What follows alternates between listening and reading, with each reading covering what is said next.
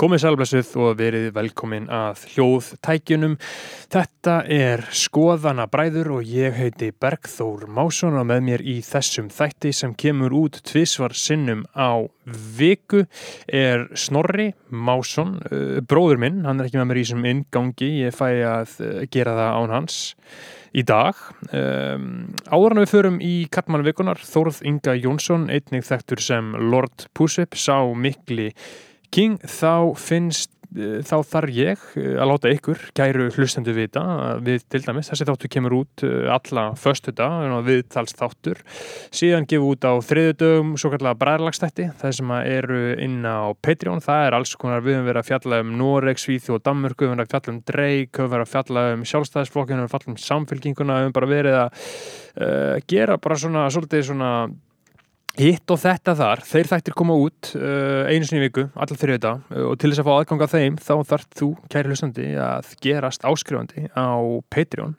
Patreon.com skástrík skoðanabæður kostar 5 dólar að það er ekki neitt. Síðan getur líka fengið 10 dólar áskrift og þá getur þú fengið þetta fyrr, til dæmis getur þú að hlusta þennan hérna þátt með honum Þorði á þriðu deg en ekki á föstu deg eins og almenningur, þetta er mjög einfald, þetta er mjög eðl, þetta er mjög basic, þú færið RSS feed sem tengir þetta beintin í Apple Podcast appi þannig að þetta er ekkert óþarfa vesen og færð aðgang að mjög uh, góðu kontenti. Þó ég segi sjálfur frá endilega checkið á því. Patreon.com skonabræður og síðan getur líka líka fengið þér uh, bestu, bestu, bestu, bestu, bestu ásköldarleið í heimi og skrifa þig, uh, hvað maður segja, í sögubækunar með því að fá nafn þitt lesið hérna upp í byrjun hvers þáttar til þess að það gerist þá er það bara 30 dalir, það er nú, það er nú ekki mikið.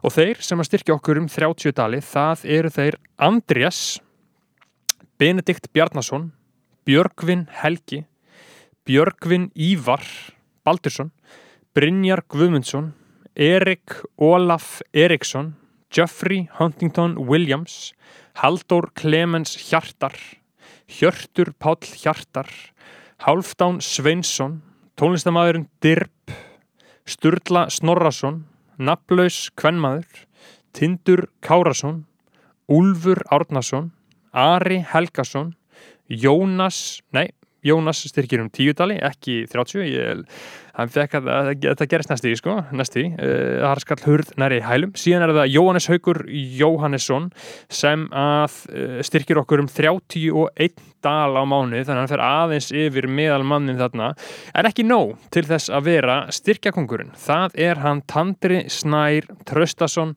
ef Ísland var í konungsveldi þá væri Tandri Snær Traustason þessi eini sanni íslenski konungur, hann styrkir okkur um 100 dali á mánuði og er þar með styrkjakongur þessa hlaðvarps. Tandri Snæri Traustason, við þökkum þér innilega fyrir að stiðja okkur sem og allir hinnir sem að stiðja okkur um 5, 10 eða 30 dali en Tandri Snær uh, trónir þar styrkir okkur um 100 dali. Tandri, takk kærlega fyrir þetta en núna ætla ég ekki að hafa þennan ingang mikið uh, lengri Það er hann Lord Pusswip sem uh, er að gefa út plötu núna 12. apríl. Um, þetta er svona uh, EP-plata, svona klúpa EP-plata Reykjavík 93. Þessi þáttur uh, verður komin út, eða út að hlusta eftir á, þetta er alltaf tímuleg stefni, þannig skiptir ekki máli. Ég mæli með að allir uh, tjekki á þessu Reykjavík 93 og bara njóti þess að hlusta á hennan episka þátt. Takk kærlega fyrir. Að bakinn um að sé bróðir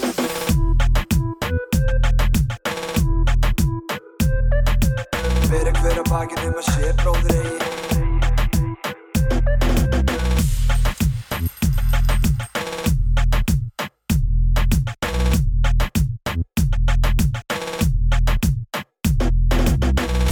Rekk, komið. Komið sælblessið, með okkur er Þóruður Ingi Jónsson, uh, Lord Pusswip.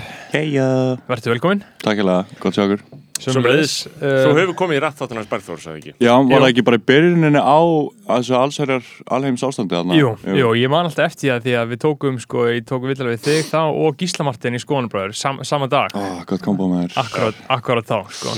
Fá, bæjar kombo þarna sko. Já, já, núna þurftir að fá sko push-whip í þáttur hérna og taka gíslamartinu Já, já, Takkilega Það var í góða vinkil sko. En uh, Þóður, þarna, Mm. þú ert búinn að vera á uh, fullu í þessu nýja dæmi sem er í gangi á internetinu. NTF Það var öfugt N- NFT. NFT Ná- ná- NFC já, Já, já. ég, ég, ég, ég spurði einna fyrir vitali og klúraði, síðan sko. Non-fungible token. Já.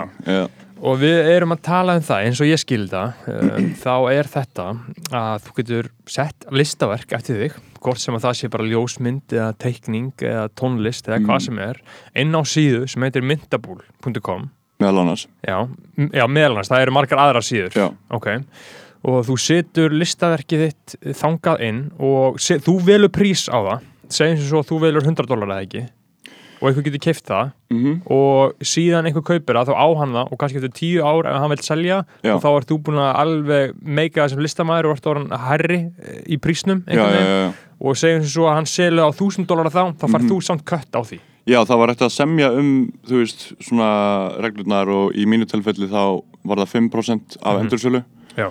Og ég, ég er ekki alveg klár á því hvernig það fer fram en þetta er svo reikjanlegt að ég býstu við að þeir séu með allt það hérna til staðar til, a, til að reikja það. Og síðan er, sem ég hans alveg skemmtilegt og það er, þú veist, það er uh, höfunduréttunum færist ekki til kaupandans. Ég veit nú ekki hvernig það er al almennt með uh, listaverkasöfnin, ég ger ráð fyrir að, að vanalega eigi listamann, hlýtur listamann að eiga höfunduréttin einhvern veginn, en þú veist ég ætla bara að byrja að koma með tvö kafjöt, ok, já, ef ég má. Já, fyrsta lagi, ég er ekki einhver kryptobaron, kryptobro tech bro, motherfucker sko, af því að þú veist ég, hérna, ég á engar rafmyndir nema það sem ég reyndar seldi núna fyrir hérna, blá blá í þessu er, er, er það ekki að fokka með Bitcoin Black eða?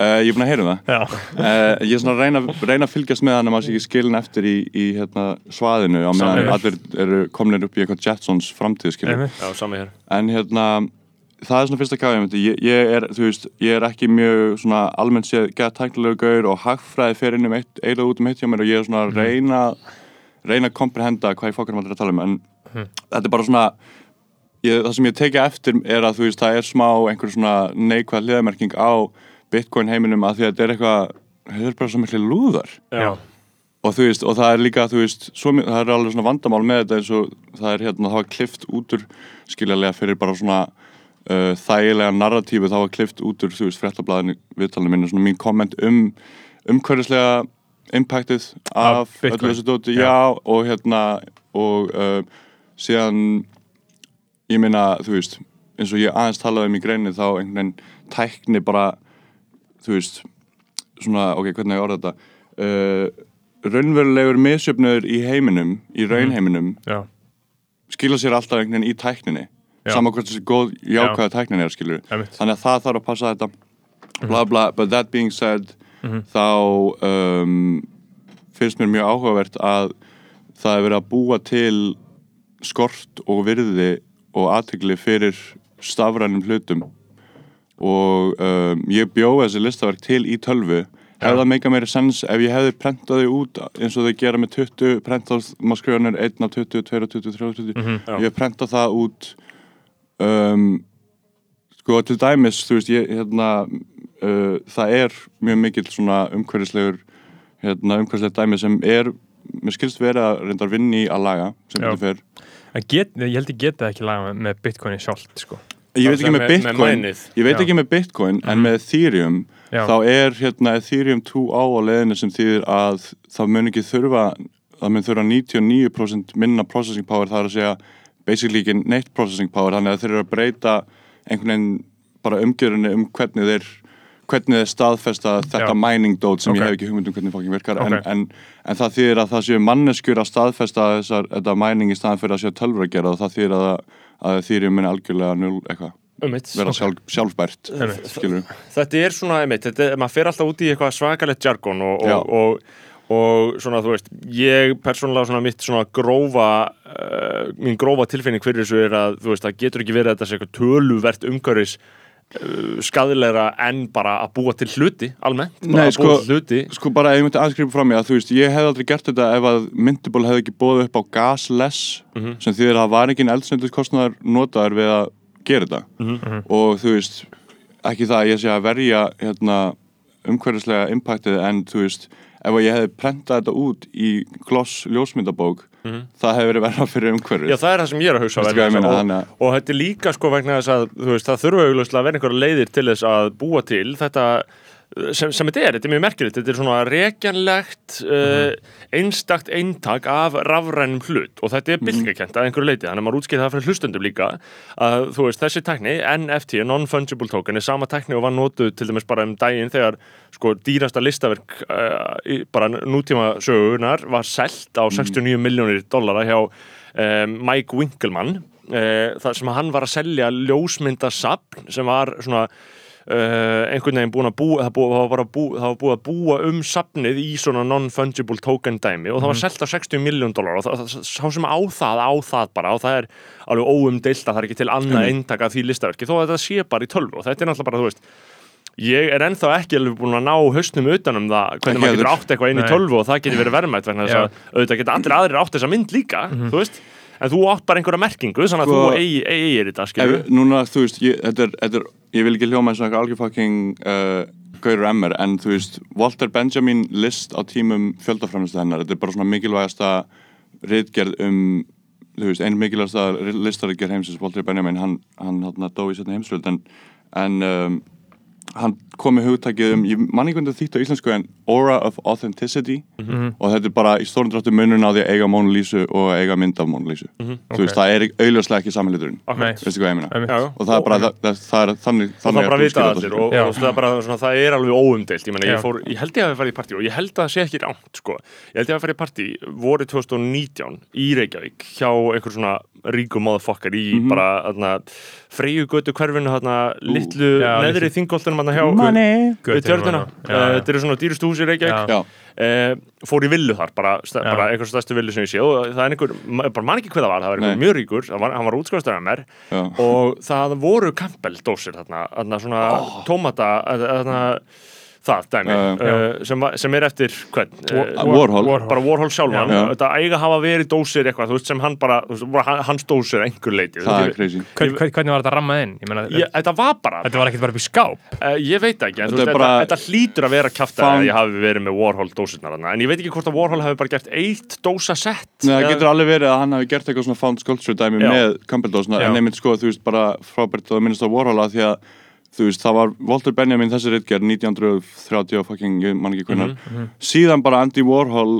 og kannski Ásker Jórn í Danmörku með svona Ásker Jórn með svona industrial painting það sem hann einhvern veginn fjöldaframleiti málverk og, og náttúrulega Andy Warhol þú veist, einhvern veginn með sínum frábæra húmor kommentiraði á list og prentalist og, og fjöldaframlislu með Campbell-dósunum og, og, og hann var að prenta sína einn peninga og allskins og þú veist ekki síðan Warhol hefur þessi umræða verið svona skemmtileg Hvað ég meina? þannig að það, er- mér finnst það að vera mjög spennandi. Já, einmitt, já, hún verður kannski skemmtileg núna en þess að núna er hún allt innu, finnst mér aftur bara, já, ok, þú veist, núna er aftur að, að þú veist, það hafa verið svona einhverja furðufréttir alltaf um svona, hérna, sel, hún seldi ekkert, skilur, listaverki hennar var ekkert, þú veist. Já, já, já, og, og hérna banan í. Art Basel og, og svona. Já.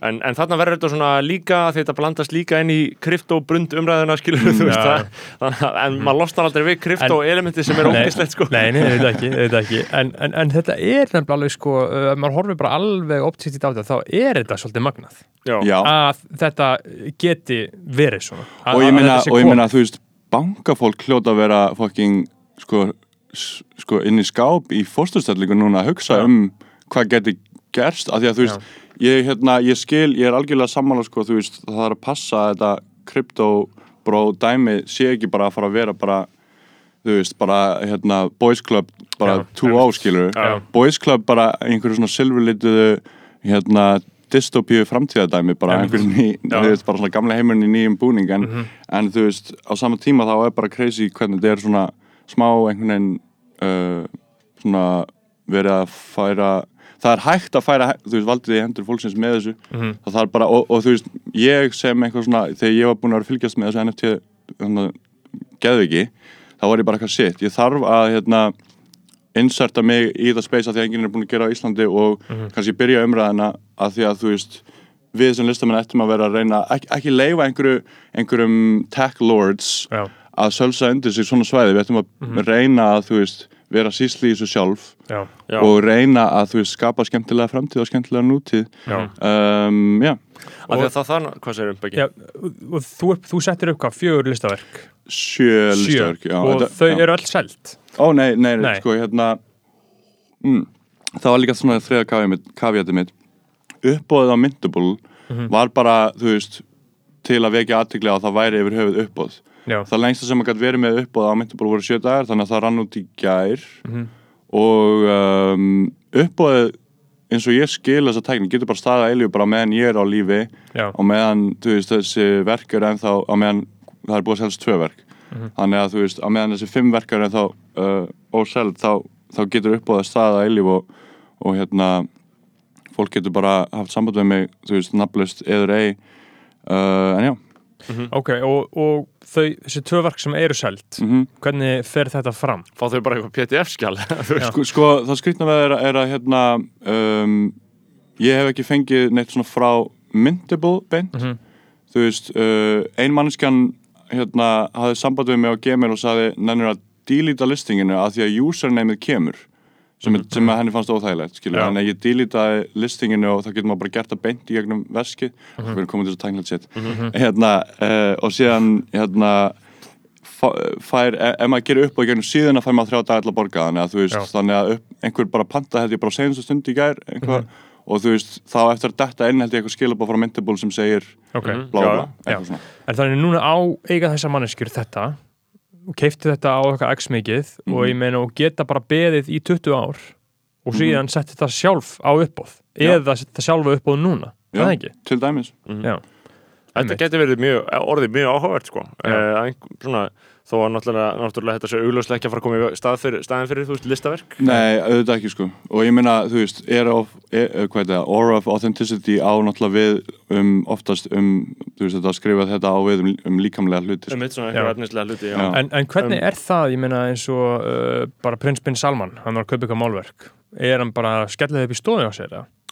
Eða er hann, ha, var, var hann að kaupa NFT-málur? Nei, Nei. ég er bara að tala um almennt bara prinsinn í Saudi Arabi, hann er alltaf að kaupa eitthvað Já, málverk, skilur hann á einhverja Picasso myndir og eitthvað, þú veist er hann bara með það inn í stofu hjá sér eða er hann með þetta í dýflissu og Ég- það, það- er, það er bara verðir að passa þetta eða, Sko, þú veist, sko, ég veit nú ekki nú mikið um, um er ekki nýð sátti arbeidsku prinsinn? Jú. Ég ætla ekki að giska á að hann sé Nei. aðdáðandi vestræðnarlistar Nei, Þannig að uh, hérna, um, eins og með Bitcoin og, Mhm. og allt þetta dót þá er listaverkasöfnun bara svona uh, eins og með gull og silfur Já. eitthvað sem bara ríkt fólk bara kaupir Já. af því að þetta er valuable akkurat og já, um, það myndi vera miklu lík mér myndist miklu líklega að hann væri með einhverju dýflissu af því að sko þú veist, þetta fólk hefur engan, eh, ekki að tala um prins Kalman, Salman, hvað sem heitir Já. specifíkli, en bara þetta fjármála fólk hefur oftast ekkert mikið áhuga á listaldi það væri ekki, bara... væri ekki að finna að passa sér svona að tala ekki ítlum hann. Ó, já, ég vil ekki hérna lendi svo hérna blama en þú veist, þetta er fucking hugga mig í sundur í einhverju sendir á því Jesus. Þeir setja Twitter botta gegn þér sko. þeir eru bara með það á hreinu sko. Já, Nei, já ég, ég, held að, ég held að það sé auðvitað einmitt líka almennt bara, þau líta bara á það sem fjárfestingu skilur Já, það, 100%. það, þau, eins, og, eins, og, eins og gerist hérna bara í, fyrir hrun hérna í, á Íslandi þegar fólk bara vissi ekki lengur hvað það gat gert við peningar sér það bara, þau voru bara með of stóra Já. sjóði bara hvað í fokkanum með að gera þetta Verið Já, þetta? ég veit ekki, þú veist, þetta er ég vil ekki dvelja á lengi í þessari umræði sem ég er frá minnast á núna, bara svona ég veit ekki alveg hvað mér líður með hérna samband stórfyrirtækja, peninga og listamanna, Já. eins og þú veist fyrir, fyrir kreppu þá var hérna þá var eitthvað svona eitthvað svona incestuous samband milli kling, hvað er það, kling og bang allar svona, þessar svona King, Cool. King, og Bong Já, hann, hann nýja En hérna, einhverju svona cool, hip, ungir Já. svona, Já. hérna, Já. já, jáfnvel edgy listamenn sem eru svona Jep. bara í sömu partíum og, og bankamennir og, og Já. hérna.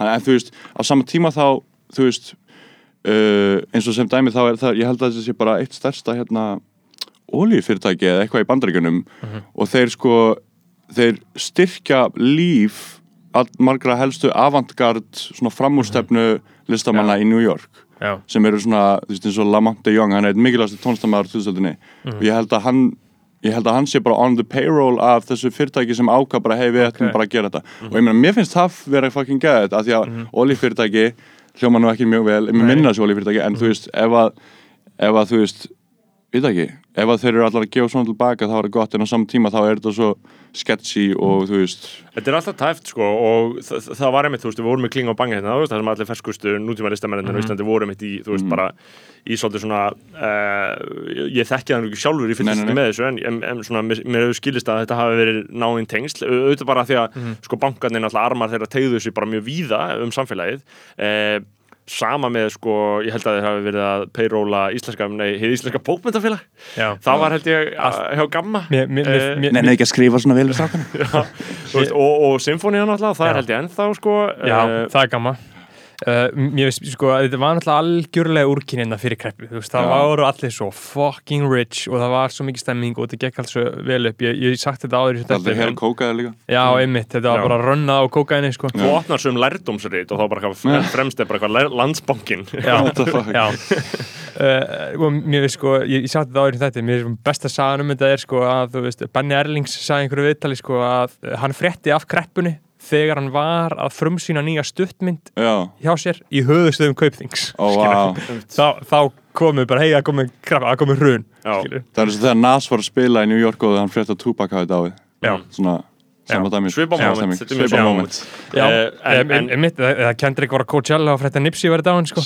En sko, peningar og, og list og að því að þú varst líka að tala um bara uh, þú veist, það hvernig listamenn ætti að leitast við að sko, hasla sér völl innan, þú veist nýs bransa þegar hann sprettur upp en ekki bara sofa á verðinum þannig að alltaf hann vera alltaf fucking Einmitt. uh, þú veist það, það er að bara eilíf spurningu hvernig á að fjármagna þennan skrýtna hlut sem er list Mhm. skilur, hvernig er eðlilegt að fjármagna? Það er ekki til einn siðlega leið til þess að gera neitt í heiminum held ég, skilur, en þú veist No ethical consumption under capitalism. Nei, þú veist, og eh, það er ekki bara, það er ekki ethical bara being, bara inn í heiminum Nei, ever, nei. skilur, þú veist. All- allan ekki fyrir okkur. Eh, ekki fyrir okkur og við erum, hérna, við erum að taka podcast skilur. Þú veist, þarna, en, en skilji hvað við, þú veist, þannig að mér finnst það svo stór spurning og þetta er ekki bara eitthvað smáatrið um það hvernig við fjármögnum list Við ættum að vera að tala um það, mér fannst einmitt, þú veist, svona, þetta er svo mikið svona, þú veist, einhvern veginn bara svona látið falla mellir þylja einmitt og það ætti bara vera, ætti ekki að vera einhver umræð um það, skiljum, Jú. ég veit ekki. Já, þá, bú, þá tökum við hana sko Já, Já, já en, og, og svo er alltaf spurning með ríkislistina skilur, hvort ríkið eigi að borga þetta hvort það geti verið eh, raunverulega sko, þarna þú veist uh, uh, hvað, hvað getur maður sagt? Hvort það geti verið einhver mótspyrna í einhverju sem ríkið er að borga þú veist, það var líka verið að gefa út núna með um, stjórnmálamennina sem farið viðtöl hjá Rúf ég var að lesa einhvern svona stóran lista það að einhver ráðuneyt starfsmaður verið látin sko taka saman hversu oft hver einasti þingmaður hefði farið í viðtal á Rúf Já. fyrsta leginn alltaf vinnan sem fór í að fuck, já, skilur vá, fucked up vinna. Já. og hann er sko gerðir 150 blaðsina bók þar sem að Wow. PDF bók bara með hverju einasta viðtali sem stjórnmálumæði fór í og rúf En hver, en, hver, en hver er, what's the, what's the point, What's the point, eh, það er að til dæmis Katrín er lang oftast Já. Katrín Jakobsdóttir. Og, veist, og þetta er algjört propaganda ef maður hugsar út í það. Fórsættisráðarinn kemur alltaf í sjónvarpið segir alltaf hvað Ísland er gott land skilur Já. Uh, mér finnst það bara svona, svona tengslin skilur en þetta hefur ekki tengsl í listina en bara svona þú veist miðlunina og klikkunina skilur vá maður, ég vorkina þessum starfsmanni. Þetta þetta er verri vinna en þegar, en þegar Google og YouTube skilur þurftu að horfa á allt sem að kemur til þess að ákvæða hvort það fara inn eða ekki Ég sko. sé bara fyrir mér hérna, hérna It's Always Sunny conspiracy mými það sem hann er með hérna tengandur upp á veginn bara góðin, ég, ég sá hann með einhvern tweetað um það sko, hvað hann vorkindi þessum aðila sko, einhver ráðan sko. En ég meina, ég held að sé að að þau fylgja einhverjum lögum og einhverjum stefnum, ég veit það ekki. Rúfið náttúrulega með eitthvað svoleiðis að þau meiga svíverða ráþærina, þótt að þeir eigi þetta. Já, já, en ég menna, þú veist, ég er að segja, þú veist, reglur og lög og þú veist, veist stjórnaskráin í bandaríkinum er mjög falleg, skilur, Já, og stjórnaskráin í Sovjetríkinum var falleg, skilur, og, og í kínveska alþjóðlífildinu og, og framkvæmdin var alltaf líka er falleg. Við skulum ekki vera svífur að Xi Jinping en það viljum við fá hann sko. Þarna, nei, nei, algjörlega. Uh, við erum konir hérna út í eitthvað rugl. Já, já, að tala sko, um eitthvað jú, jú, mér langar að tala hans meira sko, vitið þið meina, uh, með myndlistina? Mhm. Og uppbóðin, þetta er náttúrulega bara hel sjúkur bransi, Já. maður hefur uh, heitt það, uh, en ég er ekki nógu vel að mér í honum, hvernig þetta er selt. Að við vitum það, ég meina tónlist og kvikmyndir sjónvarsættir gjörsamlega fullkomlega stjórnað af bandarískum stórfyrirtækjum, bara uh, poppið, mm. það, það, það er vinsæla ég meina stórfyrirtæki eiga þetta allt. Bara, mjög miðstýrt. Já, og þetta er bara rosalega concentrated vald, skilur þú veist, það er bara, það skiptir eiginlega engum máli hversu góður þú ert að gera þetta sérstaklega í þessu major label kerfi. Þá bara þarf að ákveða að það, það, það, þú verður stjarnar, skilur Þa, það þarf svolítið uh, ákvörðun the higher ups við það, eins með kvikmyndir það sem mynd verður búin til. Um, myndlist. Eru að tala um annað dæmi þar uh, hvernig er þessu galleri uppbóð er þetta þú veist ógeðslegi peningar eins og við erum að tala um aðan ég meina, ríkt fólk er bara að uh, kaupa þetta og setja á þessu bara hugsa um þetta sem fjárfestingu og ekkert annað ég meina, er myndlistin skárri bransi? Eða hvað? Sa samanber partíi sem Betin Ben var í ásmundarsal en já, hvað með það? Skárri, hvað var þar bara hvað hva var það, hvernig peningarnir stjórnaði hvaða list verður til og hvað hva, hva verður svona uh, þú veist, hvað fær pláss til þess að fólk taki eftir því? Sko, um, það er góð spurning. Ég meina, ég held að það sé eins og segir, þú veist, aðeins annar bransi að því að um, kveikmyndastúdíón eru með stúdíó og þeir eru með pródúsera og þeir eru með hérna, listan af script sem þeir vilja mögulega gera og, og labelin eru með og ég meina, þú veist, Marvel er búin að plana 20 ár fram í tíma Já. bara eitthvað fucking hérna þetta ofrætti ógeð. Bara eitthvað military propaganda Já, en hérna, og þú veist, saman, ég býst að Já. stúdíón séu með alltaf langar sketsjur fram í tíma og bla. Bla, en þú veist, ég held að listaheimurinn séu listlega aðeins öðruvísi að því að þannig ertu með stakar listamenn við sögurum heiminn og, og þú veist, já, kannski þarf að vera orðindaldi established og hérna ert komið með, Já. þú veist, samband við galleri, þú veist, út í einn stóru heimi og ert í sambandi við hinn og þessa aðila sem að eiga vín egru Já. skilur að hafa efna á því að setja fucking Einmitt. hérna á, á vínagruna hérna og um, en já, það er, en það er líka einmitt, þú veist ég held að sé kannski þetta með, með hérna, asset eignirnar, eða ríkt fólk sé bara líta á það sem bara svona Mhm. Já. gull eða silfur sem að kannski uh, tengir þetta líka mjög starklega við, við fjármálaheimin en þú veist, en sko það sem ég ætlaði líka, ég glemt að minnast það aðan er hérna með þetta NFT-dót og hvað þetta var fljótt að koma út í einhverja síru, þú veist, Steve Aoki eða Elon Musk að selja bara eitthvað ruggla á einhverja biljónir eða eitthvað skilur er að þú veist, ég viss alveg að það myndi gera skilur og það, þú veist, það heitir hérna fransku situation, þetta er að hérna recuperation, la, la recuperation sem er, þú veist, bara kapitalism er bara eitthvað svona Lovecraft uh, kolkrabba skrýmsli sem bara, þú veist, bara getur allt skilur og Já. hérna og þetta var náttúrulega bara korter að gerast með NFT og, og kryptocoin og þannig en þú veist, við vitum það nú þegar. Já. þú veist, við vitum alveg að það gerist og það er svona að var ég að tala um þetta með, með Hallast sér full. Að kannski, þú veist, er kannski full pessimistik að vera bara að þetta er 100% tech bro kjáftæði þú veist, mér finnst það að vera daldið cynical og kannski svona uppgjöf. smá uppgjöf, uppgjöf á vibe skilur af því að þú veist, við vitum ekki alveg hvað framtíðin byrja skauti og, og þú veist, þetta hljómar eins og svona einhver stefni, þú veist, möguleg stefna í átt að einhverju líraðslegu og hérna, þú veist, netið núna er hlæmis, netið snýrast alltaf um að bara bæta við fleiri notendum í gamla daga. Netið snýst núna um að eins og ég sagði, eins og þessi kolkrabi bara sjúa út value úr notendunum. Til þess að gefa þeim sem er uppi Já. valjúið einmitt, og þú veist það er núna verið að tala um eitthvað web 3.0 web, 2, web 1.0 var þetta upplýðlega skemmtilega net. Web 2.0 er netið eftir 2007-2008 þetta byrjar að vera svona meira miðstilskilur og síðan web 3.0 á að vera eitthvað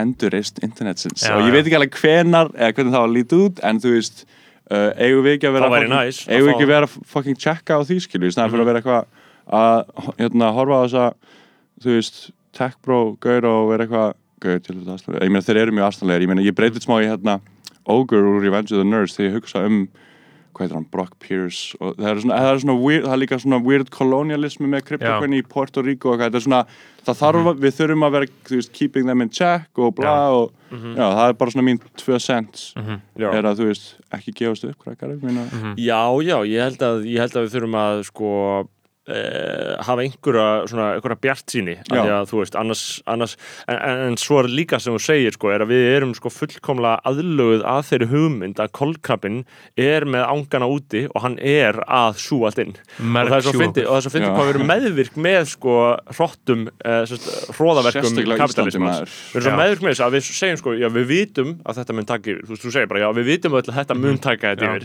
við vitum, við sættum okkur að allt og allt. Og Já. allt bara fucking suður afríski sikkoin Elon Musk Já. komin inn í þetta og, strax. þú veist, og, veginn, veist, og, og við erum alveg, veist, alveg varnarlaus gagvart í þessu, svo, já, þetta er bara eins og að væri eitthvað ríkisvald sem væri bara, já, við vitum að ef við býðum eitthvað flott til, þá kemur það bara og tekur af mér, Já. skilur, þetta er basically alveg eins og það er svo fyndið hvað við erum fucking sósuð í þessu, Já, já. það, við, við, það er enginn að hugsa um, veist, við hugsum frekar alltaf um að, veist, búa til eitthvað nýtt þá Já. sem fær að vera ó uh, þarna, skattað af þessum hrotta, þú veist, í smá stund.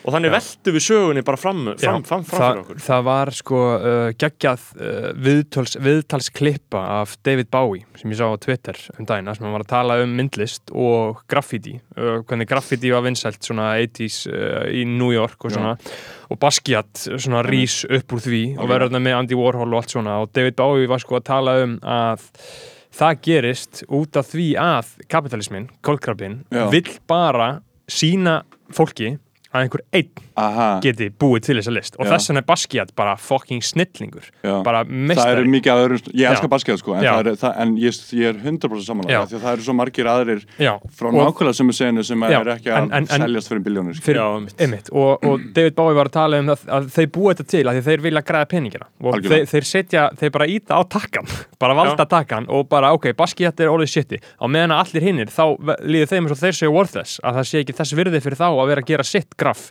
Ég að Basquiat sína- hafi vitað þetta líka sjálfur, ég meina hann, hann dó ungur og ég held að þetta hafi, hann hafi ekki sér Kurt Cobain líka, Já. Kurt Cobain hérna, Adam Curtis talar um þetta í nýja myndina sem fjallar um hvað við erum einmitt allt sósið í þessu og fjallar Mhm. Nákvæmlega það en, en einmitt bara svona Kurt Cobain vissi shit maður, ég er bara Já, þú veist, ég er bara að fara að vera á þessu teeny bopper plakati bara eilif og ég ætla bara að fucking skjóta mjög heisa Mhm. Já, sem er mjög ömulegt, Ég það er það. hræðilegt en þú veist, en uh, ég líka bara vil náttúrulega bæta það við sko að þú veist, interneti var alltaf svona útópísk Mhm. Hugmynd sem ég raunin búin til af gömlum hippum og sírauðisum já, og hérna meðal annars. En svona, það, svona ideológin fyrir netið var búið til af gamla hippum. Mhm.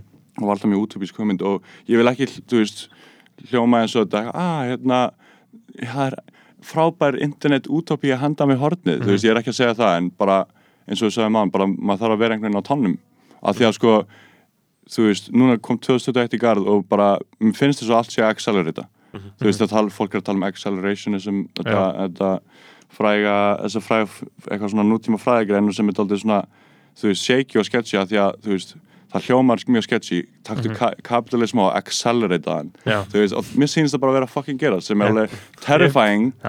En það er líka, þú veist, við það er líka einhverju möguleikar á þennan milli já, já, já, já, algjörlega. Já, einmitt. Og, og náttúrulega bara kólkrabin náttúrulega hver á hún tala um Kurt Cobain á þá geggjaði svona auka þátturinn í Euphoria þátturinn og svona, það sem við vorum að tala um sko, þú veist að hann var í Nike búð og þar stendur bara eitthvað Black Lives Matter skilur, bara Já. Black Lives Matter. Colin Kaepernick. Já, buy these shoes, Nike- Black, Black Lives Matter. en síðan ef að Kurt Cobain hefði ekki skotið sig skilur, segjum sem svo, hann hefði ekki skotið sig. Og, og, og, og, þetta myndi bara þróast og núna væri cool, eða þú veist, núna væri grunge vinsalast tónlistin en ekki hip-hop. Hmm.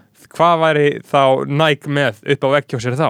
Þá verður þau bara eitthvað, þú veist bara it's awesome being depressed skilur þau, sko, þú, þú veist að Coke gerði þetta fyrir Generation X. Þeir, þeir fengu Daniel Close sem frægur svona mjög svona þú veist, cynical hérna, graphic novelist til að gera Mhm. svona slacker Coke sem hét eitthvað svona ok, það hét OK Coke. Já, og þeir voru að reyna að casha inn á þetta slacker grunge Já. dæmi, ég meina þetta gerist alltaf. Alltaf, þau veit það og sko það fyndna við þetta er að uh, þú veist, þessi hegðun uh, ef, ef við segjum auð, auðvaldsins uh, þú veist, að taka listamenn og skilur gera það á ædólum að því að það einhvern veginn bara hendar þeirra mótari og, og það er einn sem passar inn í það þeirra þáttöku í þessu. Uh, hún hljómar við fyrstu sín alltaf fyrir okkur eins og þau séu jú, ok, nice, þau eru að dæla peningum í eitthvað gott. En það sem þau eru raun og veru að gera er að eigðilega alla senuna, skilur, allir listamenn sem voru bara á pari við Basquiat og voru að gera það sama og voru að hreyfa sig inn á sömu senu þetta drepur þá bara og einhvern veginn upphefur hann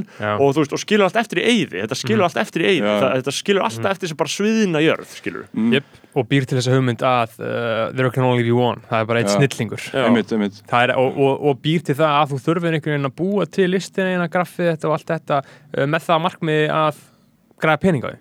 Í, í, í, í staðan fyrir að það sé bara eitthvað sem allir geta gert. Mjög Já. auðvitað já, bara, þú veist, síðan þurfum við bara borgarlaun og eitthvað, skilur ég myndi að það væri hávær umræða hérna á Íslandi, skilur, það væri það er, þú veist, það er, þetta er lágværasta umræða sem er tekin Mhm. á Íslandi, þetta er basically ekki til Mhm. ekki rætt, eh, en þú veist er samt episk pæling Ertu ekki bara að tala um bara, þú veist, bara hérna, allir fá laun fyrir bara að vera til? Jú, Já. bara, þú veist, ef við fengjum bara, bara já, 100%. 250 skall á mánuði eða eitthvað Það var, ég minna svona hvað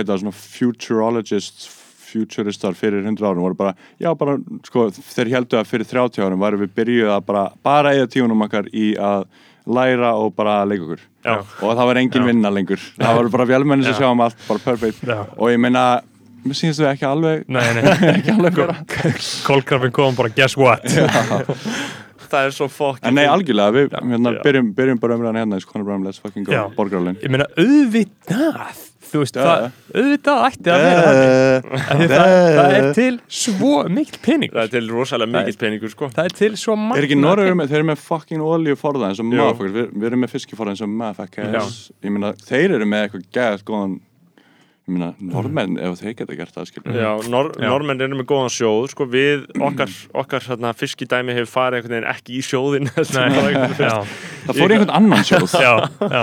Þannig að þú veist, það, við getum ekki nota það en þú veist, ég veit ekki, og, og ég, ég kann ekki til skýringar á því hvernig við getum fjármagna þessi borgarlegin, skilju, en ég held samt að það sé alveg hægt ef maður vill það, skilju Ef við getum fjármagna listamannalein og Já. þessa borgarlínu, sem Jón- Jóngnar,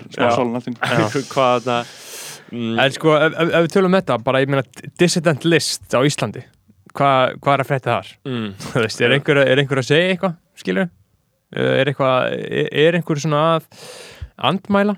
Baggi, er, Þessum- eru ég og þú ekki of borgarlegir að það kemur bara ekki til okkar eða hvað, þú veist, Hmm, Ég, ég veit það ekki. hvað segir þú? ég veit það ekki. Uh, Ég meina að því að ég meina Erpur var að segja bara 2001, bara þetta aksjón er gegn þér Davíð Oddsson. Kastaði Erpur ekki eitthvað molotov koktel að bandar Jú, Erpur kastaði band og er bannaður að fara til bandaríkina Já, Hann segir, þetta aksjón er gegn þér Davíð Oddsson. Eins og Babylon myndi falla gæti alveg sett það fram að svölum í engi hjalla eins og kokain og tjokofótur GK er nöðsynlegt að skjóta þá, já. Ég kann henni að texta það. Líka unna. Og, þetta var bara massíft poplag skilur, Mhm. og Erpur var bara að koma þessu áleiðis já. til, til þjóðarinnar. Ég honestly, uh, mér veist, það er uppáhalds rættulega lægið mitt. Já, og hérna, það hafði mjög mikil áhrif á mig og, Mhm. og mína, þú veist, þegar ég var sérstaklega að gera meira svona mm íslenskt rap eitthvað. Mhm. uh, og já, ég meina, ég hef alltaf reynd að vera með kindilberi þessa dissidency uh, og ég vona bara, þú veist ég veit ekki, mér finnst, líka mér finnst svona, mér finnst svona íslensk tónlistasena hvað varðar um uh, það sem fólk skrifar um mér mikið svo farið einhvern veginn inn á við. Já. það er allir svo mikið hérna, á, ég, svo mikið inn í, inn í sjálfum mér Ég er að vinna í, ég, er, að- ég er að vinna í er að sjálfum mér. mér, ég er að Já. Horfa innra með og ég er að stunda self-love og self-care og það er eitthvað svona þú veist, mér, Það- Mhm. kannski mætti meir, vera meira hérna inside looking out heldur en outside looking in sko. Einmitt, að að, en það er náttúrulega líka bara flott að það sé búið að opna það að, að, Stórkostlegt. að, að, að, að það sé basic en það er einmitt mjög áhugavert að það, öll vinsælsa tónlistin dag, bara Bríett og Auður um tökum þau Já. sem dæmi þau eru bara rosalega búin, búin að opna það bara tilfinningar, tilfinningar, tilfinningar, tilfinningar ég minna, og þú veist, það er náttúrulega bara er alveg, bara alveg, yndislegt. alveg frábært sko. fólk var svo bælt skilur fyrir Já. og núna er það bara út og það er eindislegt Einmitt, og, og ég held að úlingar í dag séum bara hlusta á þetta og bara wow, eitthvað en, en, en, en ítla ég, ég, ég elska, ég elska hérna, artisana sem nefndir en, en, Mhm. en, en þetta er líka mjög svona alvarlegt já, Mér finnst það að vera mjög svona, ég er ekki að tala specifíkli um bríða eða, ég er bara að tala um bara þetta, svona, þetta er eitthvað cultural dæmi í íslenskri menningu og tónlist núna, Mhm. sérstaklega í tónlist að, þú veist, mér finnst það að vera mjög svona self-serious. já, einmitt. Og- En það er frábært að vera hérna í tengslum við tilfinningunum Já. og I love it. En, en, Einmitt. kannski lítil svona satýraði írónía í þessu sko, Já. og, Mm.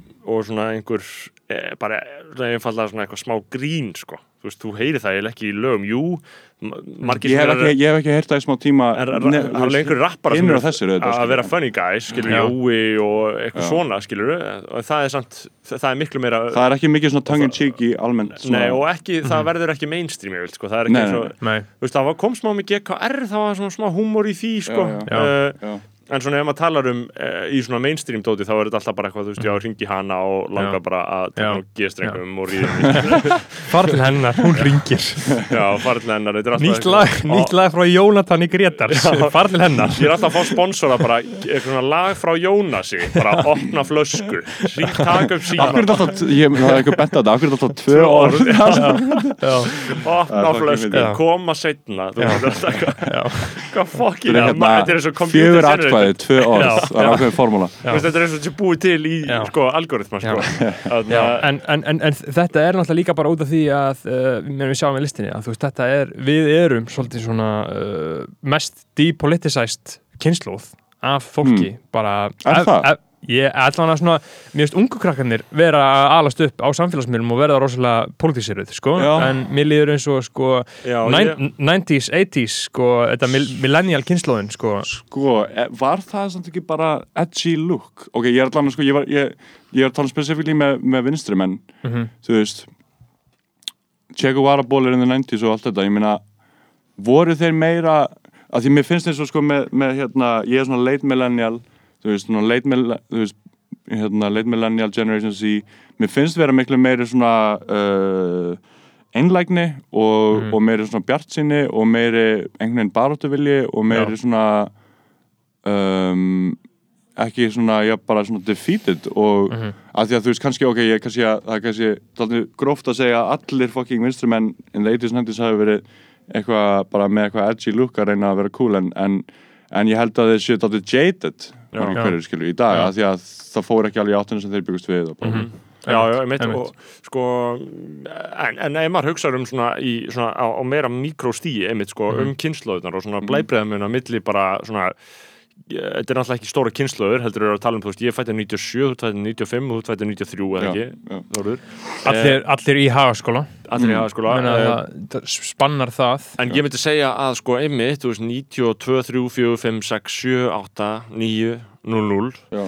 Þetta sé svona ákveðið, ég, mér líður samt, að, mér líður svolítið eins og þessi tiltekna kynslu hafi einhvern veginn svolítið sósast í því að bara halda kjaftum pólitík, já, fullt, fullt af fólki sem vi- vinum og bara eitthvað Já. sem hafa alltaf sagt það, bara eitthvað, þú veist, ég, ég, ég, ég hugsa ekki um pólitík, Já, skilur, já. ég afneita mjög mikil pólitík forutind að hluti til að segja mjög mikið Já. auðvitað og, og þú veist, og, og ef úti það farið þá líka örgulega forhundarhlutur hjá mér að, að sko hafa tíma alltaf pæli í því, skilur Sko það, það, það, það er að báðum enda spektur það, það er mjög mikil fortundi að, að þurfa ekki að pæli því Mhm. en síðan eru fólk með engin fortundi sem hafa engan tíma til að þau eru bara í lestinni eða í leðinni vinnuna skilur Mhm. Þannig að þú veist Já, einmitt, það er, það er tvö spektrum en, þú veist, en síðan kemur þetta, veist, og kannski eru við að fá ykta mynd af þessu TikTok, kommunista, socialista dæmi sem er alltaf verið að tala um, sko. En, en er, það, er það fólk sem er, þú veist, vanalega hérna, yngra en 2000 eða Já, ég myndi segja það, veist, að, Já. þá sé það skilur yngri en 2000, 01, 02, 03, 04, eitthvað svona, skilur, að, að, að þar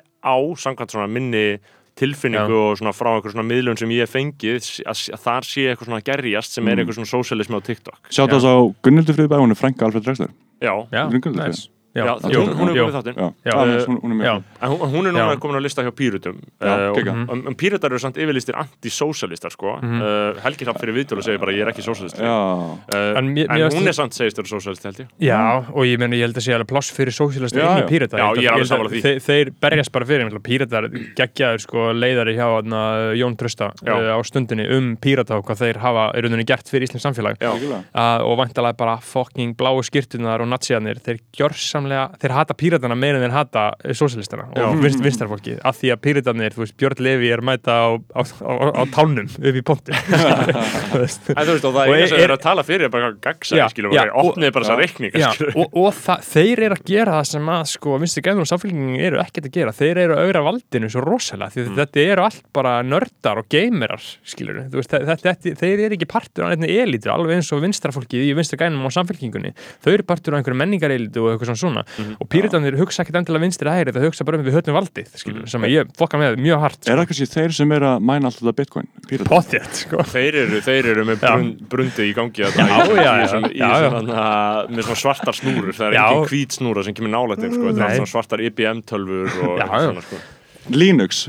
já, þeir eru basically á Linux sko. uh, Nei, Nei, ég sko elskar píratar sko Ég elskar Já. ég, ég, I've got, I've got much love for it Ég, ég er reyni Já. á, þú veist, ég er svona uh, flokkspolítika, flokkspolítika en, en, en já, ég veist hef daldið mist álit á vinstri grænum Já, í svona þessari stjórnatíðan að uh, Já, ég hef, ég, ég hef konsið pírataður. En mm ég, það sem ég hugsa sko með vinstri græna því að það eru svona, það er mikil umræðu um þau vonbrið og við þurfum ekki að fara sérstaklega mikið Nei, ég- ég nenni út ekki, í flokkastjórnmál, við látum það helst vera. En ég hugsaði bara, þú veist, þetta hefur gerst áður það voru alltaf samsteipi stjórnirina með vinstri flokkum og Já. hægri flokkum, þú veist, þetta er bara þetta er bara svona sem þetta gerist, skilur þetta er alltaf lægi held ég, líka. Ég er, ég er komin að bæða mér að tala um þetta, Já, já. Sko, við, við, við vorum að tala um sko, en haldið þessi munur að, að tvö ára millir okkar all- allra við spönnum, við spönnum sex ár, eða ekki? Sjö, Fjö- fjö- 93 fjögur og ár. 97 Já. fjör. Fjö, fjör ár ok, og ég meina, er, er munur á þessu?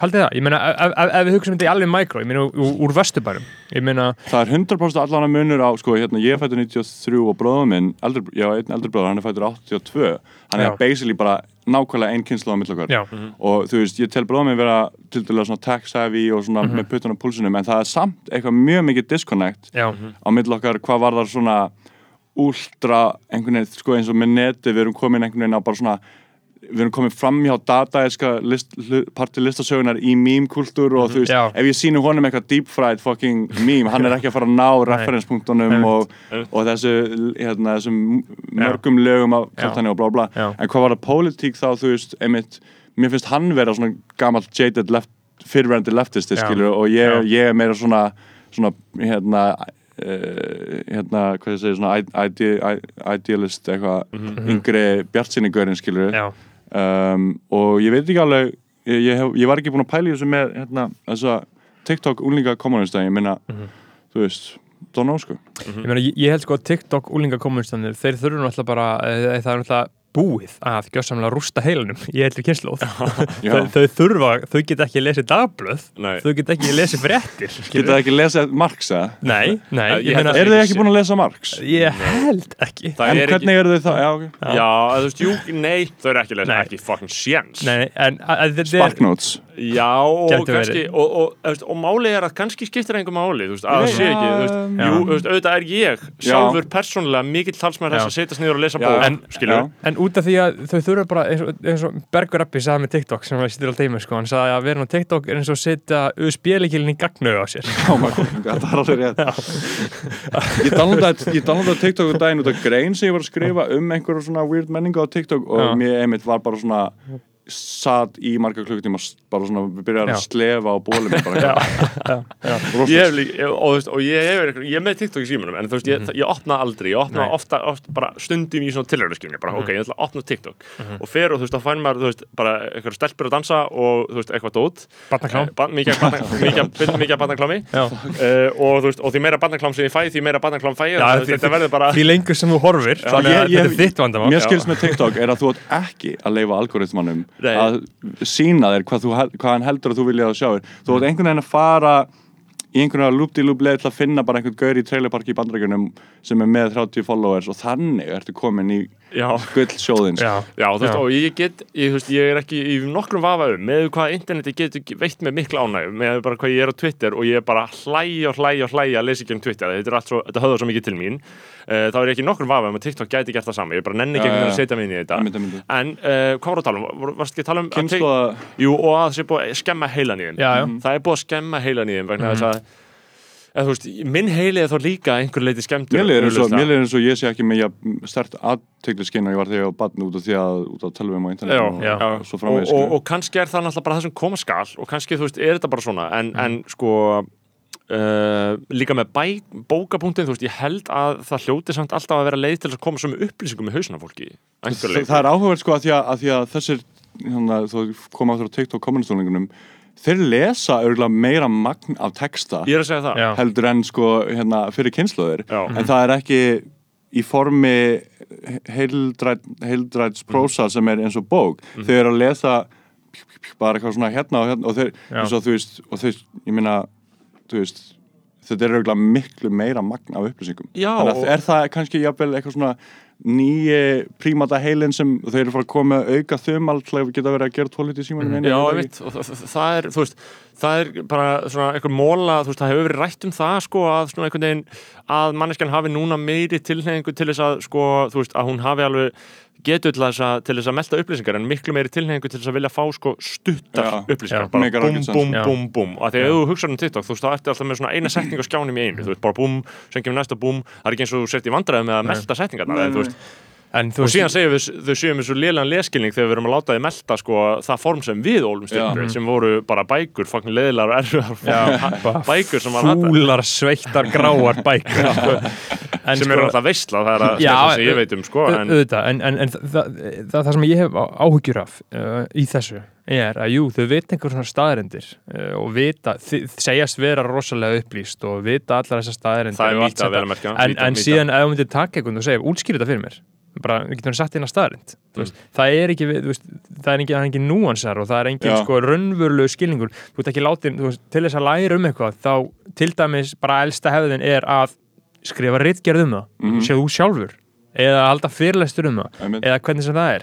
Mér lifir eins og, eins og ég, ég, ég sagði eitthvað mým sko að, að, Elon Musk ætli að ala X svon sinn eða dóttir sinn, ég veit ekki hvort það er upp bara með því að menta hann á YouTube og Reddit. Oh og skilur og það, það er bara, það, það virkar ekki Nei, ég veit Ég hata Elon Musk svo mikið. Já. uh, Hérna um, Já, það er sko Þetta er, þetta er magnað, ég veit ekki alveg hvað skal segja sko. Það er hérna uh, Þú veist Þetta er bara eitthvað svona Ghost in the Shell hérna, Akira dæmi sem er komin út í sko. Já, ég held að miðlunin sé bara svo mikið hluti af mentun, sko, Já. þú veist, ef, ef maður fer út í það, ef við erum hérna komin í mentamálin, þú veist, veist, þá, þá, þá að því að ég hef aldrei, ég veit ekki, ég veit alltaf mesta, mesta dóti sem ég veit er alltaf bara um eitthvað sem ég skrifa greinum.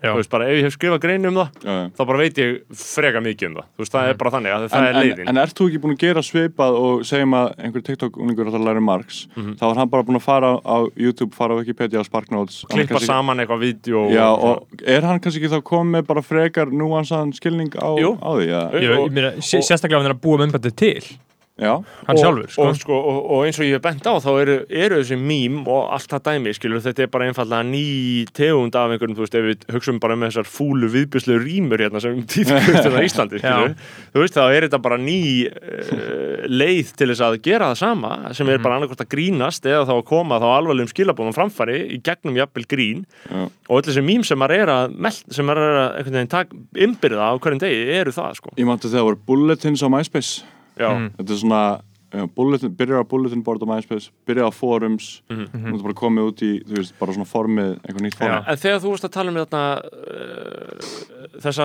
svona mögulegu framtíðasín um svona interneti 3.0 Já. hvað í fjandanum gæti það verið og hvernig í fjandanum gæti það litið út svona, hvað, hvað er svona gróflega svona, það sem, Sko, ég skilja þannig að hérna að og er þetta umræða sem er, er til staðar eða? Þú veist? Já, en þú veist, bara held ég í einhverju svona tækni uh, tækni Já. veröld, sko, en, en hérna eins og ég skilða að þá, þú veist ég meina, auðljóslega núna uh, er netið mjög svona, hvernig ég segja, það er, það er allt bara, þú veist, stórfyrirtæki er búin að raða þessu upp, skilur við.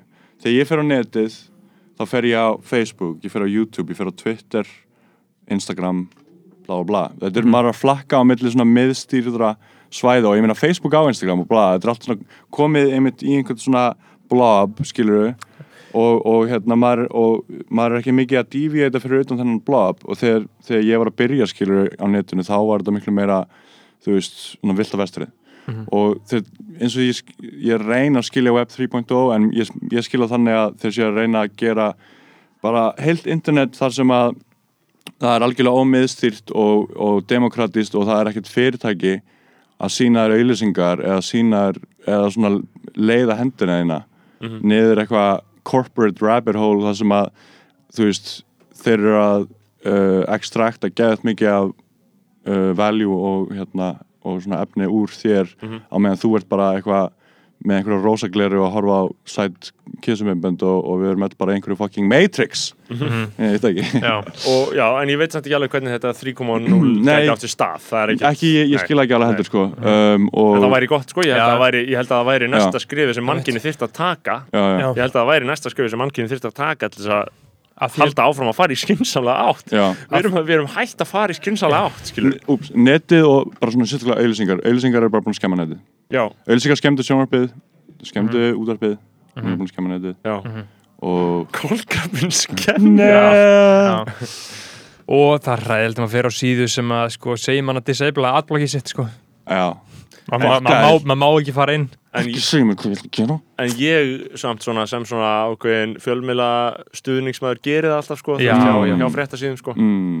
já, já. því ég er samá fyrir ströglinu ég fíla pælingun en ég gera svona ekki sko. Mm. Heyrðu, eru er við bara að fara að nálgast lokun eða?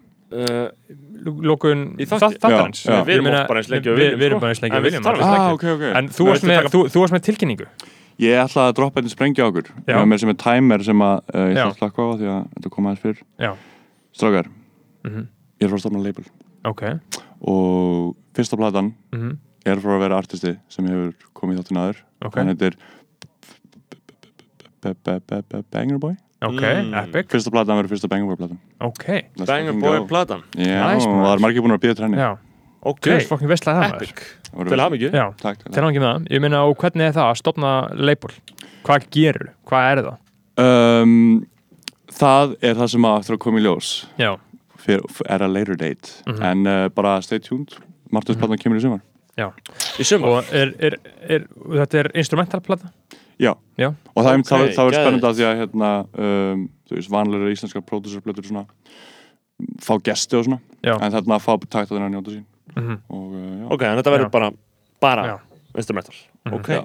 það er Mhm. mjög aðtilsvægt og mjög spennandi að heyra. Mhm. uh, þetta sýnir ákveðna trú á íslenskri tónlist já, já, þú hefur hana framúrskarandi íslenska tónlist já. já, algjörlega framhúsgarandi sko Uh, Og hvernig, ég meina hvernig markasetur svona tónlist? Hvernig markasetur maður tónlist?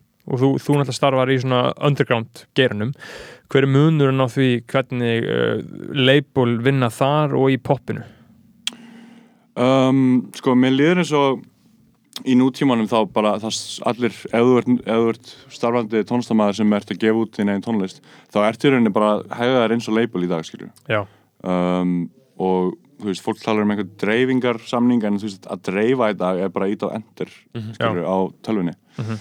þannig að ég hugsaði bara að uh, það væri komin tími ég hugsaði með það lengi sko en, en ég hugsaði að það væri komin tími til að bara svona uh, centralæsa allt dótið mitt já, og ég er líka bara ég, þú veist, ég er ég er, ég hef verið að vinna sem A&R Mhm. bara þú veist all, allt bara síðan ég byrja að gefa tónlist af því ég er svo mikið að taka til tónlistamennum og styrkja þar tónlistamennum og blæða en, en Mhm. það bara svona ég var bara að gera það bara fyrir uh, bara fyrir hérna fyrir ástriðina sko en ég var ekki að fá neitt út við skilja þannig að kannski komið tími til að þú veist gera eitthvað svona verkefni Mhm. sem að sem að svona saminar það og samhefur það og gera meira concentrated máta. Einmitt, einmitt.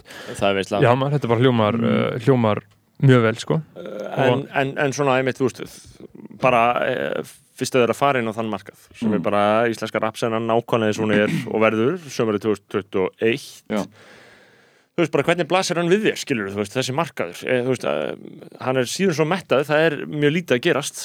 Já, ég skil ekki alveg, það er eitthvað búið að vera svona, eitthvað svona, uh, ég minna, ég skil okkur út það er Mhm. COVID og það er ekki, þú veist, mikið tónleika haldvalla neitt en, en, það er ekki hægt að fylgja neinu eftir en einfallega ástæðalust fyrir en, rappara en, sem var, en var brjálega mikið að gerast áður en COVID skalla á, heldur? uh, hjá mörgum, hjá mörgum kannski minna Ég, ég var nefnilega, ég var ekki heima, heima ég er genuinely að spyrja. Já. Já, sko, já, ég held að það hafi verið, ég meina, þeir rappara sem ég þekki voru til dæla mikið að gigga uh, Mhm. Já. og gátu, gátu þénað freka vel. Og þú veist, og var, það ekki einmitt í byrjun ásins eða eitthvað sem, sem Bríett aldrei komið, eða var það í fyrra? Það var á þessu árið, ekki núna.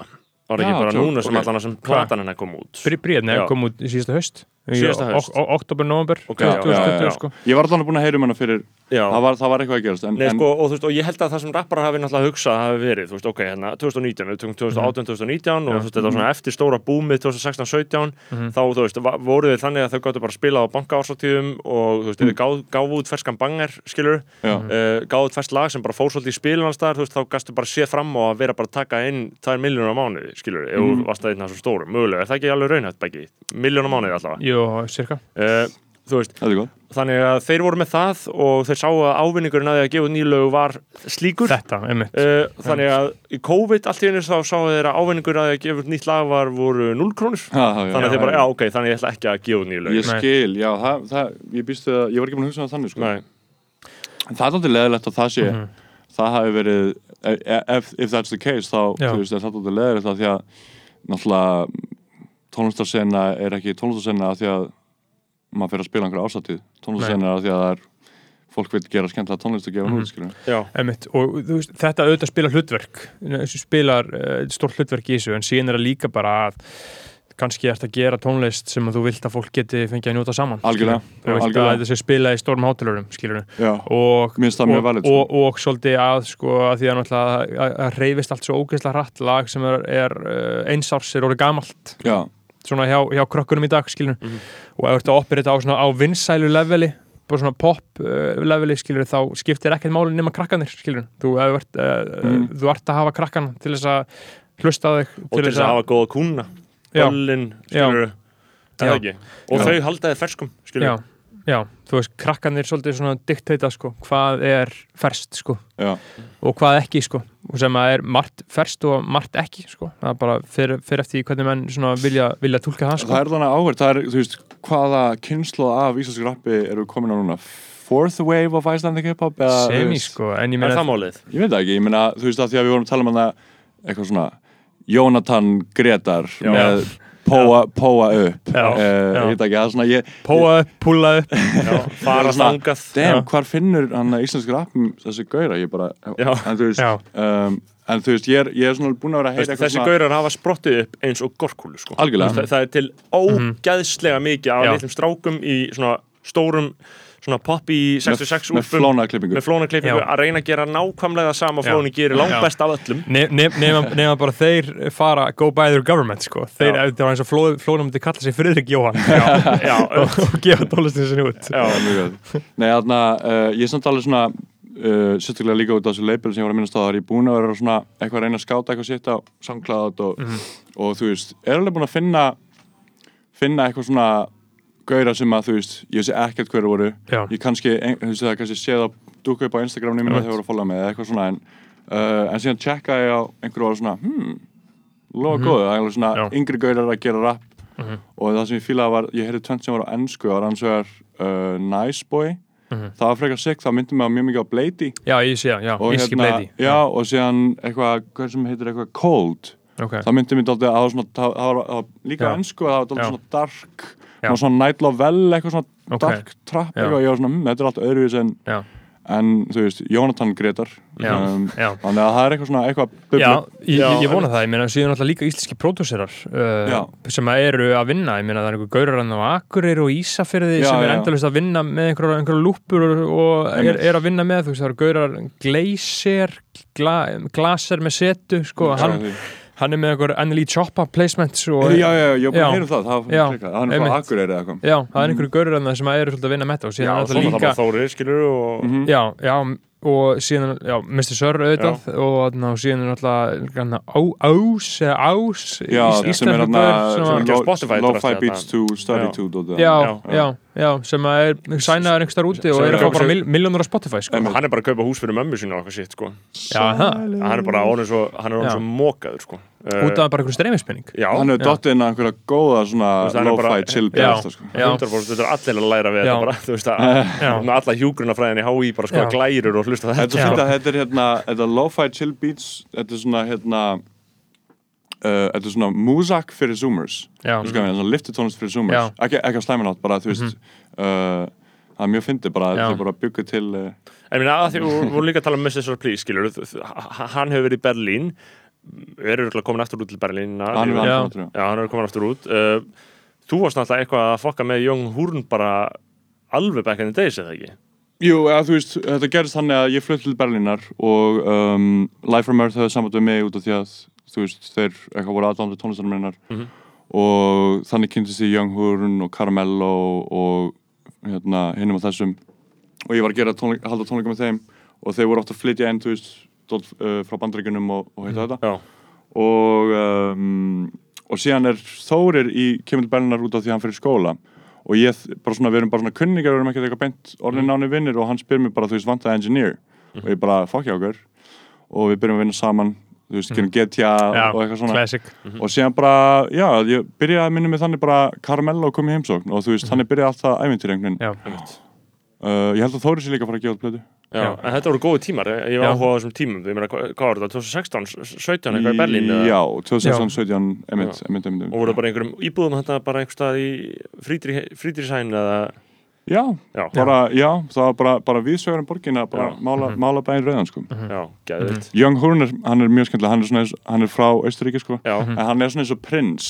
Þú veist, það er komið fram við hann eins og prins þetta er bara eins og svona eitthvað royalty. Já, það er smá, hann er smá svona arist, aristokrata kinnar þú sko. sér það, Já, þú sér það væpleika á honum á Instagram, sko, hann er veginn alltaf á einhverjum svona glossy hótelum og bara, hann er mjög, en hann er mjög skemmtilegur hann er mjög bara svona hóvær og, og næskur, geðveikur rappari, Hann er Þú veist, bara geðveikt góður rappari, finnst mér, sko. Þannig að hann líka, þú veist, borgar alltaf reikningin ef maður fer á, eða eitthvað. Já, Já. hann er náttúrulega orðinu helviti Hann góður er á því mótað, núna, sko. já. Já, að það sprakk, sko. Uh, einmitt, en sko með, með, með íslensku sinnuna þá finnst mér einmitt svolítið leðilegt sko að uh, það hefur einhvern veginn það er svolítið langt síðan eitthvað nýtt svona spratt upp eins og varum að tala um sko Mm. og ég vona innilega að þetta sé þetta Blady dæmi hvað er hann, Candyman Uh, Candyman, mér finnst alltaf líka, nei, Nice Boy. Nice boy, Já. já, já. Og þannig að þú veist við bara, við, við vonum það En eru við, Uh, þú veist, ég, að því að auðvitað, við segjum þetta alltaf, við segjum alltaf við sem að býða eftir einhverju nýju Já. og að, Já. ge- að koma eitthvað nýtt, þú veist, eru Já. við ekki bara orðin einhver svona einhverju gamli kallar á bil, bylgjunni eitthvað að segja að það sé ekki, hafa ekkert gert nýtt sem við vorum ungir, skilur. Nei, ég, ég, að, þú veist, ég vona það, ég held að ég sé með The Ear to the Streets, Já, skilur, einmitt. og ma maður heyrir að lag, ég meina það er að bubbling, sko, Okay, hefur ekki gefið neitt, neitt út, sko, Hvern, hvernig, er hann þá, hvernig er hann ekki búin að gefa neitt út en hann er samt bubbling? uh, að, því, að því að hann er sko bara eitthvað vinur uh, Flóni var mjög bubbling aðra hann gaf út, hann- skilur. Nei, hann samt, það var samt, skilur, leaks. Já, og það, já. það, var, það var snippet, skilur Já, já. Ég held að Issi, uh, eitthvað búið það- líka. það er eitthvað snippet, já, já það er eitthvað snippet. þar sem hann er með einhverjum vini sínum, þetta er svona smá svona, svona, sem svona handrukkara gúns Já, já, já. sem var svona, sem var svona chill, chilla með sko. hvað er það að spika? Ég þarf að checka á þessu og na, ég held að Bassem Aras er náttúrulega líka að fara að Já, gefa út. Bassi Maras er að Ég gefa er út. Það Já, hann að Bangum Boy var að segja að hann var bara með einhver bars Já, Já, hann er það, sko. Já, Ég er mjög spenntur, að- ég heldur að ég að gefa út bara nú um helgina, næstu helgina. Já. Það er næs já, Já, þú veist, Já. ég veit ekki hvernig þessi þáttu kemur út, en þú veist, jú, ok. já. Hann mun hafa gefið út þá. Geðveikt. já, og síðan, þú veist, vona maður líka bara alltaf bara the real will prevail, sko ég meina, Mm. þú veist, krabbi, krabba meinir að fara að gefa út gott út, örgulega með banger Er hann að koma meira? Já, Ég var, ég var að hlusta aftur á það, sko. Það Já. er svo fucking gott. Krabba mein platan er svo fucking Hún er svo góð, sko. ógeðslega góð, sko. Eh, já, Countess er að gefa nýja blödu Drengur er ég að vinna í nýju efni Ok, það er alveg nóg að sitt á leiðinni. Já. En, en mér býstu að allir hafi þá bara eins og þau sögðu bara, þeir voru bara laying low já, og bara, hibernating bara með eitthvað hérna, podcast í staðin á meðan COVID er í gangi uh, og Byrnir er náttúrulega að gefa út plötu líka sko Já, ok, já, uh, og, og Mr. Sör er að mixa hana sem við tölum um á hann sko Mm. Ef það Og verður, þú veist, ef að bólusetningin gengur vel og eitthvað svona shit, veist, og, og við getum svo einhvern veginn farið að sjá svo svolítið bara svona mjög ferst samfélag í júni, júli, þá gæti alveg orðið, þú veist, að að Já. djammi verður líka svo fucking styrla, hvað sem er. Ég meina, senast og summa var basically bara back to normal, þú veist, jammi var bara eitthvað crazy þú og veist, það var Já. frem crazy en við fórum aldrei, þú veist, það var aldrei opnunatímanir kom aldrei almennilega inn. Ef, að, ef við fáum góðu bólusetningar þá gætu við verið að sjá það í sumar. Mhm. það væri veistla og þá munum við sjá rap. En sjáum við fram á að það gerist eða? Já, bólusetningin á að vera búin í júli hérna, Í alvöru? það er bara það sem- 100%? Já, eða sko ekki búin en þá hefur við verið búin að bólusetta þorra þjóðarinn eins og segjum, 60-70% Ég bara einhvern veginn trúi ekki. Nei, auðvitað ekki ég heldur en stjórnvöld segja þetta samt með nokkur mikill vissu og þau, Mér líður eins og við getum fara að halda tónleika í sumar. Já, Come on, í ágúst. Vestlunum helgina, það verður einhver veistla í gangi, Já. skilur Come Ég er on. alveg á því Við vonum Eh, það, við vonum það uh, En sko, já. Berlín, mér langar að tala um Berlín Já. Ég meina, na, Berlínar, maður. Ég Já. Berlínar smá líka já, það er allt í hakkinu þar eða ekki Það fer enginn út Það er ekki, COVID. það er rosalega Já. gaman haldið að vera í Berlín núna sko. Nei. Ég sá status frá vinkonum minn í Berlín hún var að segja að batni mitt var að fara í skólan í dag í fyrst skitt síðan í desember Wow Vá. uh, en sólinn skín, sagðan Já. og likes, þetta er svona, þú veist þetta er ákveðin, þetta er átakanlegt sérstaklega fyrir Já, uh, en Og- fóreldrar er ekki uppi staða þess sem við lítum á sem Berlín. Uh, Já. jú, það er enda núna, þetta er náttúrulega búmerast harkalega, þetta er allt orðið eitthvað prenslan Þeir eru ekki komnir í útgöngubann eins og Hollandingar sko. Þeir eru ekki, þeir, þeir skellt ekki það kannski út af uh, út af einhverju Mhm. sögu. Einhverju sem Já, gerist í já. Þísklandi einhvern tíðan, ég veit ekki hvað það var en, einmitt. en um, já, ég held að það sé ekki gaman að vera á meilandinu Já. núna sko. Nei. En sko, Þóruð, þú bjóst í Berlín þegar það var svona svolítið búminn. Þetta var bara svona mekka. Uh, ég held að það sé kannski búið að breyta smá einmitt síðan Já. þá og þú veist Er það ekki? og, Alveg og, og dautt, þegar sko. ég var Það því að við, við erum með þá kenningu sko um leið og. Snorri komin ánga því hann flutti í fyrra þá ég- kemur hann og dreppur þetta ég, ég, kom, ég kom 2019 og það var, Ok. það var, það var dauða ár þú veist, ef, þú- talar um ferska Berlín þá er það dáið þú, þú, 2019 þú, þú komst og gafst í The Killing Blow. Demar, já. Ég meina þegar ég fór á 2000 og eitthvað sent 2015 held ég þá, þá lítið að hann hafi verið mjög öðruvísi frá því þegar uh, ég meina þú veist, þegar ég fór á 2015 þá er auðvitað fullt af liðið sem var bara in the 90s þegar það var bara poppin skilur og Já, bara þetta já. er ekki saman borgin skilur en, það er alltaf sko. en, já er alltaf, en, en hérna eitthvað svona fólk sem var eitthvað í fartölun 2013 upp á okkur, nei 2003 eitthvað upp á okkur þökum þú veist, búin að ge- gera hústöku einhver stærri prentslaðberg já, ég Prensláðberg var bara ghetto sko, Já, það var bara fyrir 20-30 árum sko, Já, það er búin að síðan. gentrifæðast alveg. Mjög hratt sko. En nei, þú veist bara, uh, mín upplifun var bara frábær sko, ég hérna var svolítið mikið að flakka frá mismöndi hverfum, ég var aldrei svona neitt jú, ég var reyndar, ég, ég bjó lengst af í mitti á Prensláberg Mhm. og fór sérna í Nauköln en, en já, mín upplifun var bara svona bara, þú veist, ógæslega skemmtileg borg. Bjóst þarna alveg nokkur ára eða ekki? Jú, ég bjó í svona þrjú ár, Já. já, eitthvað hannig Og uh, klúbanir já. Varst það stunda klúban almennilega? Uh, sko ég er ekkert eitthvað svona mesti svona þannig jammari sko Nei. í heiminum ég, ég, hérna, ég var ekki típan sem að fóra bergan og, og mætti síðan heim klukkan þrjú daginn eftir sko en, en ég þú veist uh, fórum að marga þessu klubba og ég, þegar ég fóru bergan þá var ég nú bara svona flög á vegnum sko ég Mhm. var bara, veist, það var held ég áttunda sinn y- yfir mörg ár sem ég fyrskinn sem komst inn í bergan var áttunda sinn sem ég reyndi að fara Já. yfir mörg ár Vá. já, Ég, ég, ég one-shotta þetta sko já, Fór- einn fyrsta en Já, það- nice, ég, nice. ég mun aldrei, aldrei, Geðveikt. aldrei komast aftur Nei, það var bara beginnerslag sko, en, en, en, en ég einmitt held ég að sagt bara ok, ég er ekki að fara aftur með bergkannin og ég sé að spila sko. Sko, þannig útskýrða fyrir hlustendum, ég meina, uh, reyndir áttasunum að komast inn á Berghain. Uh, hversu erfitt er að komast þann inn og af hverju er það svona? um, af því að þeir eru bara fucking þjóðverjar Já. og þeir eru Og þeir eru bara að stýra væpinu þeir eru bara, að þeir eru bara að reyna að búa til eitthvað exclusivity og, og, hérna, og þeir eru algjörlega skent og Já. þeir eru bara, já Þetta er, veist, þetta er bara reisastór klubur og þeir Já. eru bara að stýra væpinu Og það er einhver eitt stór frægur dyrraverður hann, Sven. Sven, já. Já. Hann er svona, held ég, einið þeirra sem hefur farið einhver viðtöl, sko, að Já. hann halda bara kæfti, sko, en Já, hann er svolítið látið sjá um PR-ið, skilst Einmitt, mér, einmitt, sko. Og það er náttúrulega rosalega mikil mystík í kringum það, sko, hverju með hliftin, hverju eru reglunar, en, en ég er alveg á sömu línu, ég held að þetta sé siska handa og skemmt, sko. Og, og, og, og ég minna þessi menning, ég, ég, ég En þú bara... verður að vera fallir, það hjálpar að vera fallegur, sko. já, Já. það, já, Já, Berghain er gamall uh, geðspítal eða ekki? Um, Uh, ég veit ekki. Ég- ég ætla að vera versmiða Já, verksmiðja, ok, já. já. Uh, ég hef bara komið þarna, ég fór hann í hádegin og sunnudegi, já. uh, fó, fór ekki rauðan. fólk segir að það sé besti tíminn til að fara sko. Já, þannig að fólk er þarna 24 tíma, eða ekki? jú, Þeir eru marga svo- daga, Þetta, sko. Þetta opna bara föstu og lokar á mánudags morgun, skilur. Já, það, það er svona smá eins og því hang, ha- hangover þá að Bangkok has him now, sko, það er ekki Já, smá svona Berghain has him Já. now. Jú, og margir tínast alveg í sósunni þarna, sko, á það er ekki speklar að inni og það er að því að fólk er allir bara á uh, livjum Já. þarna- Hvað, lifir menn að taka? Molly, eða? ketamín ég held að það sé bara öllu sko. Já. uh, molly, ketamín og molly Þeir eru bara á öllum og- lyfjunum. já, en þú veist, þau eru svona ekkert eitthvað geð, já, já, ok, já, emitt, þau eru á öllum lífum, sko, en þú veist, þetta er ekkert eitthvað svona kókfest, skilur, þetta er bara eitthvað svona, jú, Nei, ég held, að, ég held að það sé eitthvað normie dæmi sko. já, emitt, Já. fólk er svona mm. í káhólinu, eða, sko, Já, já. uh, en, þú veist, en geðveikt að fara þarna, fannst mér, sko, þetta, var, þetta áhugavert. var eins og hann að þú veist, svona bara við byrjun á Blade já, bara, nema ennþá stærri skala þú Já, veist. veist, að ég kom hann inn og atna, mér fannst, fannst ég hafa bara gengið inn í bara svona loksins bara siðróf. Já. já, já, já, Bara hérna er ekki siður, Nei. hérna er, veist, hérna er allt vikið, veist, það voru Já. bara fullt af, bara allir allsbyrðir, Vá. bara píkan á gellu og, bara, og ég bara lappaði.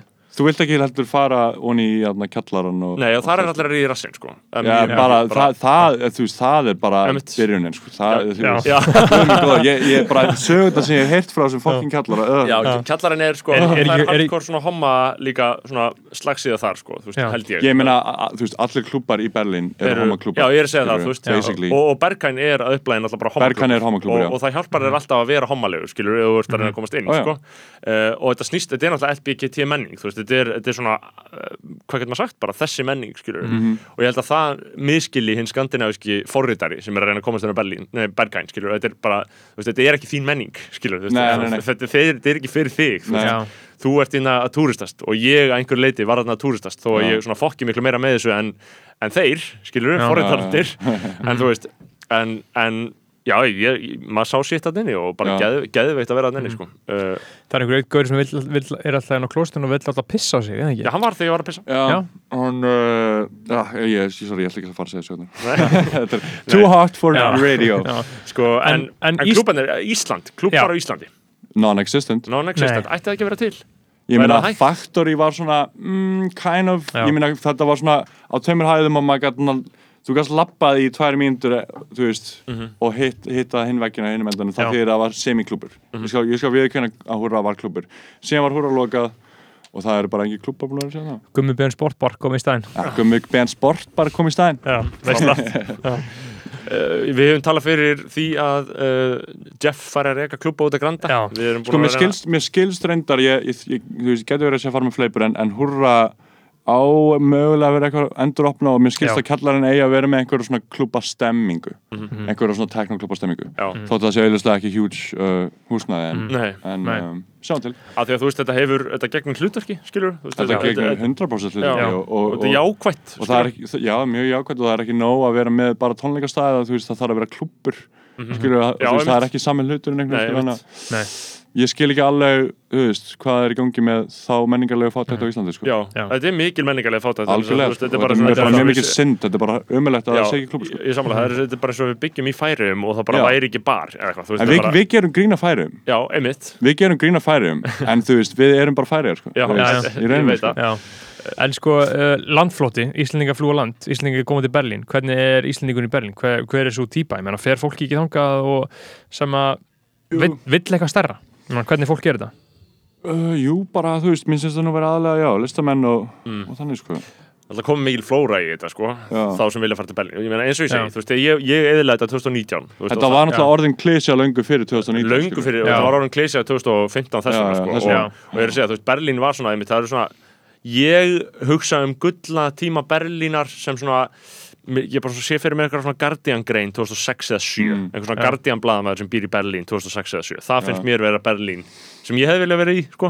Mm. en um, Eða 80s, bara beint eftir að múrin fjall Já, það, það, það er annað, Já. já. það er enn annað, Mm. 90s bara í Austuberlín þegar það var bara, það var bara gerð upptaka á öllu, það var náttúrulega það sem gerði Berlín að þessu sturdun, þetta var bara allt í hennu ríki sem var, söl, sem var bara í miðri Evrópu, í miðri sko menningar uh, mekka Evrópu sem var Þýskaland, eftir, ok, umdelt kannski, en, Já. en, en þú veist, mi- mikill efnahagsleiri miðstöð í öllu falli, þar sem það var bara komið stort land sem var allt í einu sett undir veist, og það var bara huge það voru huge deilur líka bara í 90s bara þegar, þegar samenningin stóð yfir Já. þú veist, bara valdamesti gaur bara gaurin var myrtur róvetter, gaurin var myrtur sem átt að sjá um að selja gömlu austur þýsku verksmiðunar Ok. til þýskra vestur þýskra fyrirtækja Ég hef ekki heyrt þetta þú veist, og hann var, þú veist, það voru svo miklu hagsmunir í húfi að þú veist, hann var bara myrtur, þetta var bara Já. risa stórt glæpamál, þú veist, þetta var svo ógisla stórt ferli að taka heilt ríki Mm. og færa það inn í vestu Þýskaland, en það er önnur saga sko. Já, ok. en, en bara mjög áhugaveri tímar, þú veist, Já. fyrir Og ég meina, munurinn á Berlín og Þískalandi er tölvörður. Já, Já, Berlín er- bara Berlín Þetta Berlín er svona, þetta er svona eins og munurinn á, munurinn á New York og hérna, band, eða, þú veist, Já. fly, flyover states Já. sem það kallaði Já. eða, munurinn á LA og, Já. Og, og hérna, Arkansas eða eitthvað skilur já, að ég maður alltaf eftir þegar ég var í Berlín sko, uh, 2017 við fór, Já, fór, fór, var fór, á klubbum með Já. þér Þórður. Það var, Einmitt, það var heldur gott sko. Gott djöfla sér og klubba göld sko. Já, það var geggjafæri sko, fór aðna uh, og þá var verið að skipuleggja svona andmótmæli eða sko nínasistar voru að fara að pulla upp og voru að fara að mótmæla eitthvað í bænum og það voru fullt af fullt af bara fólki og tyrkjum og alls konar liði sem var bara að, tilbúin að mæta þeim. Og var ætlaði að ambúsi á þegar þeir komu upp úr lestastöðinni kasta bara einhverjum bekkjum og rosa, steinum rosa og, mikið að svona mobilization í gangi, sko. Algjörlega, fyrsti mæ bara ég aldrei séð annað eins maður eru bara þeir eru að berjast fyrir lögregluna sko. Já. þeir eru, þú veist, þetta er, það er battles going on sko, Já, og Hver, ég, hverjir er að berjast til lögregluna? Kórhópur? anarkistar Anarkistar, já, já, og, og anarkistarnir eru, þú veist það, það, það, þetta er svo rosalega, þú veist, Íslandingar átta sig ekki á því, við erum ekki með svona sterkar stjórnmálega reyfingar sem eru líka svona skipulaðar, þú veist, Já. ef það er verið að þú veist, ef, að, ef einhver svona stór leigufélag er að taka yfir einhverja blokkir, þú veist, og rifta leigusamningum við öllum, þá er Já. það bara ekki hægt, þú veist, þeir bara setjast að í blokkinni Já. og bara neita að Það er færa sig, þetta er alltaf eitthvað svona, Já. skilur já ég, ég var að hlusta á hræðilegt kapitali hafi tilhengu til þess að virk, þú veist, hafa sigur að, bera sigur og bítum að endingu, sko. En ég meina á Íslandi á mótmælir það geggja pistill um þetta í lestinni fyrir uh, tveim vikum eða eitthvað svoleiðis. Uh, viðtöl við mótmælendur. Ok, ég minnst og uh, þetta er mjög gott sko. Uh, Já, já, já, við, einmitt. mótmælendur, ef mótmælar á Íslandi þá ertu bara rattfokkaður. Já. þú ert lögsóttur og þú ert að borga einhverja miljónir einhvern kostnað, bara Já. þess vegna bara út af öllu þessu, út af bara laga umgjörðin í kringum aktivista og friðsal mótmæli og allt þetta, það gerir það að verkum að það meikar þetta enginn, Nei, það er enginn að fara að taka þetta á sig. Og ég er ekki að segja að þú veist að við eitthvað, auðvitað vilja að fólk gera þetta en ég einhvern veginn er ekki komið þangað að ég sjálfur fara að gera þetta, maður er bara svo mikið bitch. Mhm. en þú veist mér finnst þetta magna að á Íslandi það er bara Sigurður Andersen og sjálfstæðsflokkurinn og þess- þessir, þetta lið búið að búa til það umhverfi að þú getur ekki mótmælt í hann. Það er önnur stjórnmála hefði í Þýskalandi það er Já. svolítið viðkvæmt að þú hel, fó, réttur fólks til þess að gera þetta er helgur Já. að einhver leiti þó hann sé örgulega svífurtur oft líka sko. Já, en, en þetta er magna svona anarkista uh, svona mobilization og skipulagning sko, eins og hann talar um Haldur Armand í bókinu sinni Bróður Mhm. Þannig talar um uh, að hún Íslands stelpa fer hann til Berlínar og joina svona uh, anarkista hóp og síðan er hann infiltrataður af einhverjum dönskum leinilörglumanni Einmitt, Skilur. svona counter og flingdanirnir Já. um, sko, Þískaland er algjört police state, þú veist, þegar lögreglan er sko alveg svona, ég meina þi- eftir setni heimstölduna þá sko um, sí, áður en CIA hétt CIA hétt er OSS og þeir eru þeirra Mhm. til bara kjálfar setni heimstöldunar Já. og þeir fóru til Európu að stunda uppbyggingu innan Mhm. gæsalappa og uppbygging í Þísklandi í gegnum OSS fólst í því að passa að nazíska kerfið sem var svo efficient og hérna, og, hérna bara stórkarslegt samkvæmt þeim og það yrði bara að halda því bara perfectly eins og var halda sömuna fólkinum, nazistum í s- kannski sjöfla stöðunum að, Já. og þetta er ástæðan fyrir að þú veist á 8. áratugnum voru Bader Meinhof að þú veist Mhm. og hann að Red Army faction að þú veist, sprengja og skjóta fólki í Berlín að því að, þú veist, þeir voru algjöru fáður hann að Bader Meinhof, en þeir voru að, þú veist það, það Þískland byrja að horfast í augu við þetta á 8. áratugnum Já. skilur, Já. og, og hérna að þetta hafi verið gert já, hvað, þau, hvað þau gerðu skilur Já. og Já, hérna og, og sko og, og einmitt með nasíska kerfið þú veist að því að auðvitað að nafninu til þá hætti nasismin skilur 1945 en bara Já. þú veist rétt eins og bara í Spáni veist en á Spáni eftir að Franco dó veist þá hætti Franco frankismin alls ekki nei, nei, nei. veist það gerist það sama í með og það er líka bara góð mynd á Netflix sem ég mæli með sem heitir þarna Der Staat gegen Fritz þarna, Fritz sem var ekki hvert eftirnafnið hans var sem var sagt í eftir setni heimstöld í Þískalandi Já. og hann var að fara eftir gamlu nasistunum Já, og það, það sérðu svo vel hvernig það var ekki hægt að fara Já. eftir gömlu nasistunum en þess að ef þú fórst á eftir þessum þá var hann með einhver tengsl við menn sem voru bara inn það inn í stjórnkerfinu Já, að já. hann var algjörlega bara, þú veist, hann fekk ekki að rannsaka neitt hann, var, Nei, hann var bara alveg Já. tekin út skilur, Já. og þetta eru tengsli sem verða eftir eftir á svona sjúk tímumbil og síðan að nafninu til eru við hægt með nasismæn ég meina hvað í fokkanum gerðist nema bara einhverjir tíu gauðra fór í fangils eða eitthvað og kannski aðeins fleiri einmitt Uh, Nuremberg réttarhöldin Nürnberg réttarhaldinu og, ég er ekkert að gera lítið úr þeim. Nei, nei. Sí- síst af öllu vil ég En- gera lítið úr en ég meina það, það, það er bara eins og að bara uh, Abraham Lincoln að bólisja þrælalt Já, skilur, er og síðan heldur þetta áfram. plastur sko og, og þannig að fólk fer að segja sér sögur að því að eitthvað Já. sem búið. Og einmitt að þú segir að Þísklands er lauruglíríki þú veist, Já. ég veit ekki hversu mikið af fréttum ég lesi mitt frá Þískaldi um Já. bara sturlaða hluti Já. Við værum, Já. þú veist, það væri örugla fólk fyrir utan lauruglustöðuna ef við værum að sjá það það var í fyrra þetta fyrir þá voru svona stóra nasista sellur inn í Svo- bara vísvegar um svona, hvað Ok. heitir þarna appið þar sem fólk selur dóp uh, uh, Telegram. Telegram, já. Já. Telegram hópar innan lauruglunar eru bara risastóri, þú veist, það er bara maður. það sem er verið að deila Já. myndum á hvað svona er tala um myrða muslima og bara skjóta Já. þetta þetta er bara, Já. þú veist, bara lauruglan er nasísk og Og þú veist, bara- það er bara nasismi innan Já, lauruglan en, en út af því ég meina hugsa að því Hitler, náttúrulega, það sem hann gerði var svo gjörsamlega rosalett Mm. þú veist, ímyndið ykkur að uh, náttúrulega ge geðingahandrið fyrst, fyrst og fremst bara gjörsamlega indoktrinata heila þjóð, þú ólst þarna upp Mhm. og það var bara átó að þú vildir allir geðinga myndu brenna og drepast það, þetta var áróðun Mm. og Hitler náttúrulega notaði áróðun þannig, þú veist, Hitler trúði ekki á hið rita orð. Hann, bara, hann, hann, hann skrifa ekki neitt, hann trúði bara á, ræður. á ræður og það sem að gerði hana, því hann var náttúrulega þú veist, þú veist algjört feiljur, allt sitt líf, hann var bara fokkin lúsir feilaða listamæður, hann elskaði myndlist og hann elskaði tónlist. Og það sem Hitler náði að gera er að nota þessa ræður, hann, hann var feilaða listamæður en hann skildi það samt, að hann elskaði myndlist og elskaði tónlist. Symbolismi. Já, en það sem hann náði að gera var að hann náði að beita tæknum tónlistar og myndlistar á fólk með ræðunum sínum. Þú ert, þú ert ekki nota orð. Og næra því til þess að hrífa það með, með þér. Og það var það sem hann gerði, hann, þú veist, þetta var ekki ritað þetta var ekki sama á bókmentir Nei. eða sögur gera heldur er þetta bara pjúra eitthvað svona rosalega hugrænt og djúpstætt sem að enginn getur skilið. Og síðan vindi það upp á sig. Einmitt komið aftur að hérna, hvernig tækni er einhvern veginn hvorki jákvæða neikvæða, bara hvernig notar hana mm Já, það er engin tilvílun að fasismi og nasismi breytist út og var til bara stutt eftir að, hérna, að hátalarinn Já, þannig að þú veist, já, þessar ræður hefði ekki getað náð einmitt, ræður Hitlers, ræður Mussolini og Já. ræður Franco hefði Já. ekki náð til svona margra ef það hefði ekki verið fyrir þessa hátalara. Já, Já. og, og, og málum Hitler er var sko að, hann er bara uh, lest um allt sem að bara svona gamalt fólk sem að fór á ræður til hann svona 25, 26, 27 þegar hann var nýkomin út og búin að skrifa Mein Kampf og þá þá var, það höfðu bara öllir sömu að segja, sömu sögu að segja um Hitler bara þetta er allra besti ræðumæður sem hefur nokkuð tíman bara talað. Já, hann var bara með eitthvað. Þetta er á YouTube sko. Hann var með eitthvað magnað mojo. Meira sem ég heyri um hann Hitler gauð bara að minna, minna líka með við hans Já. Já, Nei, það stólum brandar á Norm MacDonald. Uh, já ámaður, við erum konar djúftið sko. Evrópa, því við vorum að tala um Berlín. Evrópa, þú veist, hvað er ferst núna? Þetta eru Hvað er hvað, hvað er nýja Berlín?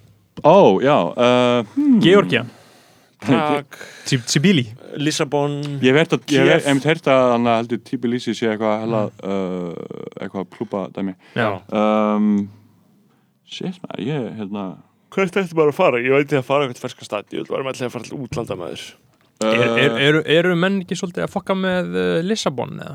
Heyrðu, já, ég, ég var mjög mikið til að fara til Portugal sko. ég, hérna, ég veit að mitt þekki einhverja svona í elektronik senunni í held ég Lissabon Mhm. Það er eitthvað svona mjög cool þú veist, dæmi gangi í Portugal mm, það er mjög mikið af þú veist, það er mjög spennandi tónlistasenur í Asíu líka í gangi núna þú veist, það er mjög spennandi í gangi í Kína það er mjög spennandi í gangi í Söður Kóriðu Mhm. það er mjög spennandi Það er tónlistasenur mjög í Söður. Afríku Hefur þú farið þarna til Asju? I wish maður, en Já. ég bara er, þú veist, ég þekki mikið af fólki í gegnum neti og, og á einhverja svona hlustendur og aðdándur hana í Japan og Kóri og Já. Kína og eitthvað. Mhm. Ég væri mjög mikið til að fara einn daginn. Mhm. Mhm. Væri veistla Takk eitt Það góðan væri túr, veistla. Það væri Já. veistla, sko. Big in Japan Mm Það væri epist sko Það væri geðið. Já, Já sko uh, Við erum svolítið búin að fara yfir Við erum búin að fara við víðan völl. Já, farið fari við við völd Mér langar bara svona að lokum Ég Mhm. meina, þú varst út í LA Já. Fórst í tónlistarnám þar, Mhm. eða ekki? Ég er bara útskrifast í næsta mánu, eða fjarnámi. Já, þú ert í fjár, fjárkenslu, Já. einmitt Einmitt, Og og hvað, er þetta bara eitthvað uh, Takja þryggjára nám, eitthvað þannig? Uh, já, þetta var svona, ég, ég, ég byrjaði í ágúst 2019. Var þetta hljóðtækni eða? Nei, þetta er Nei, er bara tónlist, tónlist, já, en, en, já. ég, en það er möguleika að ég taki hérna, hljóðtækni Mhm. dæmi en ég bara, ég svona nenni tæplega að halda áfram í Zoom, þannig að ég er svona pæli að bara, uh, þú veist býða og sjá hvað gerist með bandreikin hvort að þeir muni algjörlega self-destructa eða hvort að þeir, hvort að vera aftur góðir Kalifornía bara rík Já, einmitt, einmitt, einmitt En ég meina, ég veit ekki svona hvort það muni gerast á þessa ári að, að fólk sem er ekki með ríkisborgar rétt verið hleyftin í Nei, landi sko. einmitt.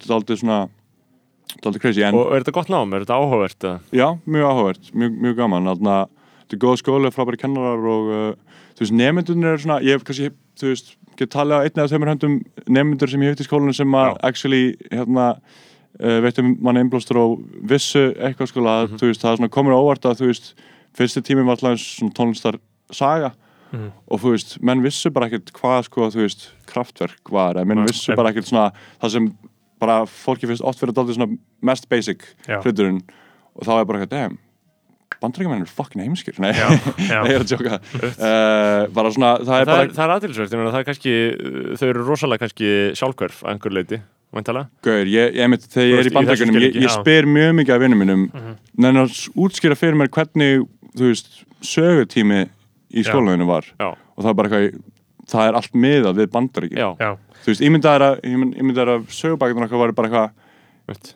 einhvern veginn að miða við Ísland þessu get arbitrary já, og þú veist, það er miklu setna en allt annað gerðist og þetta meikar já, enga fucking þetta er náttúrulega ógislegt þessi American Exceptionalism og Það er þetta, sko, þetta rosalega national mythmaking sem þau eru búin að gera bara algjörlega með sögubækunum, með Hollywoodmyndunum allar þessar stríðismyndir, þetta er alltaf Já. bara þeirra sjónarótt, þeir eru alltaf að berjast fyrir frelsi. Það var ógslag gaman að vera í Los er Angeles en mín Mhm. upplifun af uh, þessu samfélagi búindi þarna var að þetta var mjög sjúkt samfélag. Já, þetta er það. Og hérna og, Þetta- og þetta var svona þú veist, ég var komandi frá Berlín, við vorum að tala um Berghain og hérna eitthvað svona siðróf í gangi þar.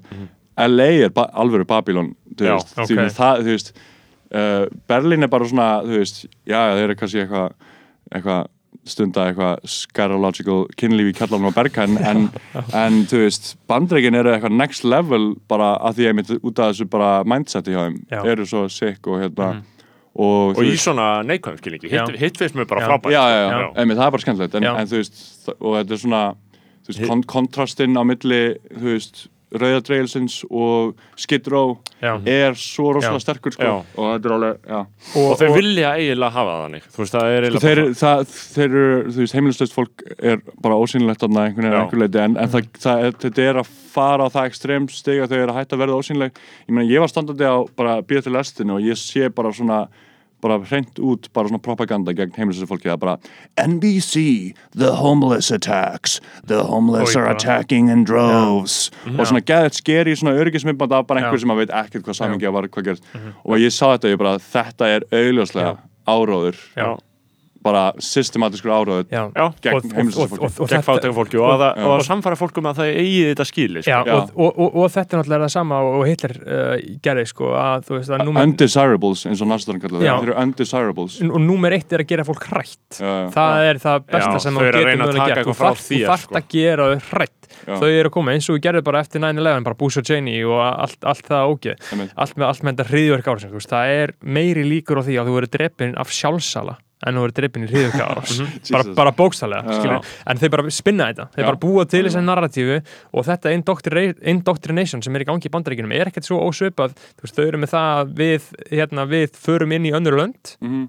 og við ætlum að gefa þeim líðræði Mhm. og við ætlum að gefa þeim frelsi Þetta er svo Já. fullkomin saga sko. Ég átti, ég átti meira sér liberal vinni sem að, einmitt, kannski voru þessi forréttundastöðu að hafa ekkert mikið pælt í þessu þeir voru alveg, þú veist, 100% liberal en síðan Mhm. voru þeir bara með þetta sem þú varst að segja bara, þá var bara einhver búinn að segja að svona væri þetta og já ég bara, they hate our freedom. Já, ég bara þetta útskjara vinnum bara gaur sagði bara, þú veist, ég bara svona laid it out for him. Og hann eitthvað, hei já, Já. það genuinely hafði enginn sagt Já. það út af því að aðalmáli er náttúrulega það sem að bandaríkin er alltaf að gera og það sem CIA var að gera þarna eftir, eftir setni heimstöldum, það var aðalega bara að berjast gegn kommunisma, Já. út af því að þeir náðu að búa það inn í national mythmaking sitt, þeir náðu að búa það til inn í sig að kommunismi, sem sagt að því náttúrulega bara þeir sem voru ríkir voru hrættari en, en allt við kommunisman það náðu þeir að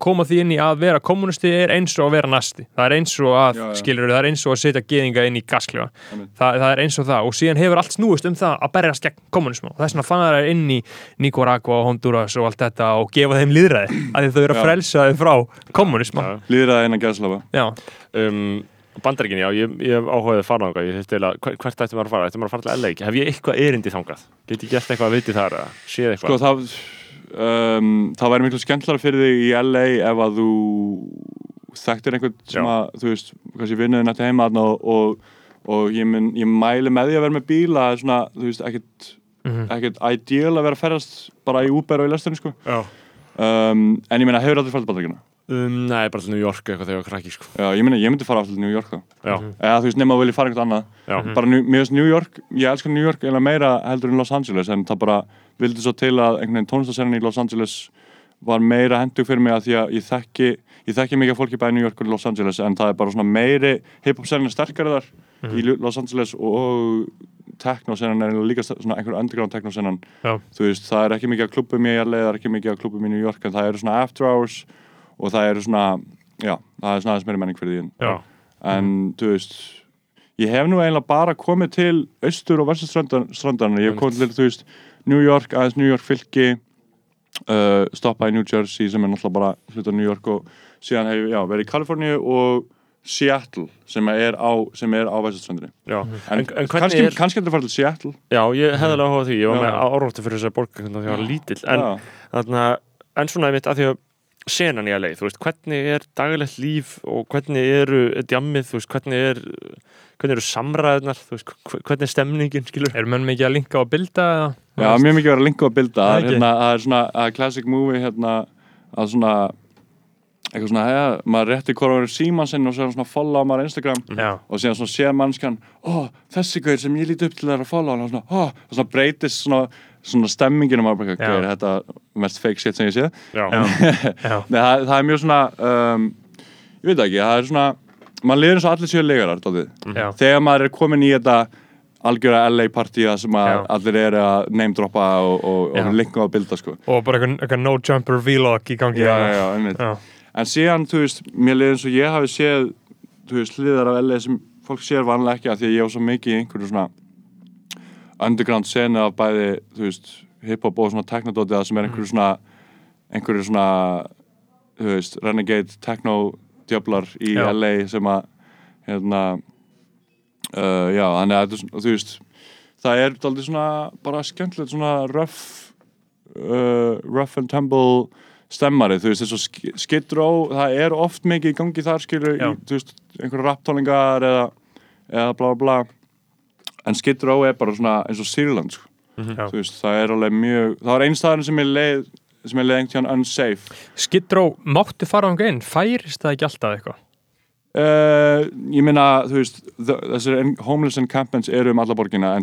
Row er jú, það er kannski en það, það er samt alveg ákveðið svæði í borginni Já. og það er nálega downtown og það, það er þannig nálega Hollywood en, en, en jú, það er verið að sjöfla þessu fólki í, uh, á mismundi staði sko. svakalegt. já, og þú veist, ef að þú, ef að þú uh, fer í meðferð í Midwest skilur í hérna Michigan eða eitthvað, Mhm. útskrifast úr meðferð ertu ekki með stað til að fara þá, þá færðu bara svona Greyhound bus ticket til Kaliforníu, Mhm. San Francisco og LA bara hérna að gera svo vel farið og þau vita að þú getur sofið úti á nóttinni Já. og þú veist, þú myndi ekki frjós alltaf akkurat, akkurat Það er svo Gott fucked, kerfi. sko. Já, frábært kerfi já, gengur vel Come to America Já. Góðir innviðir.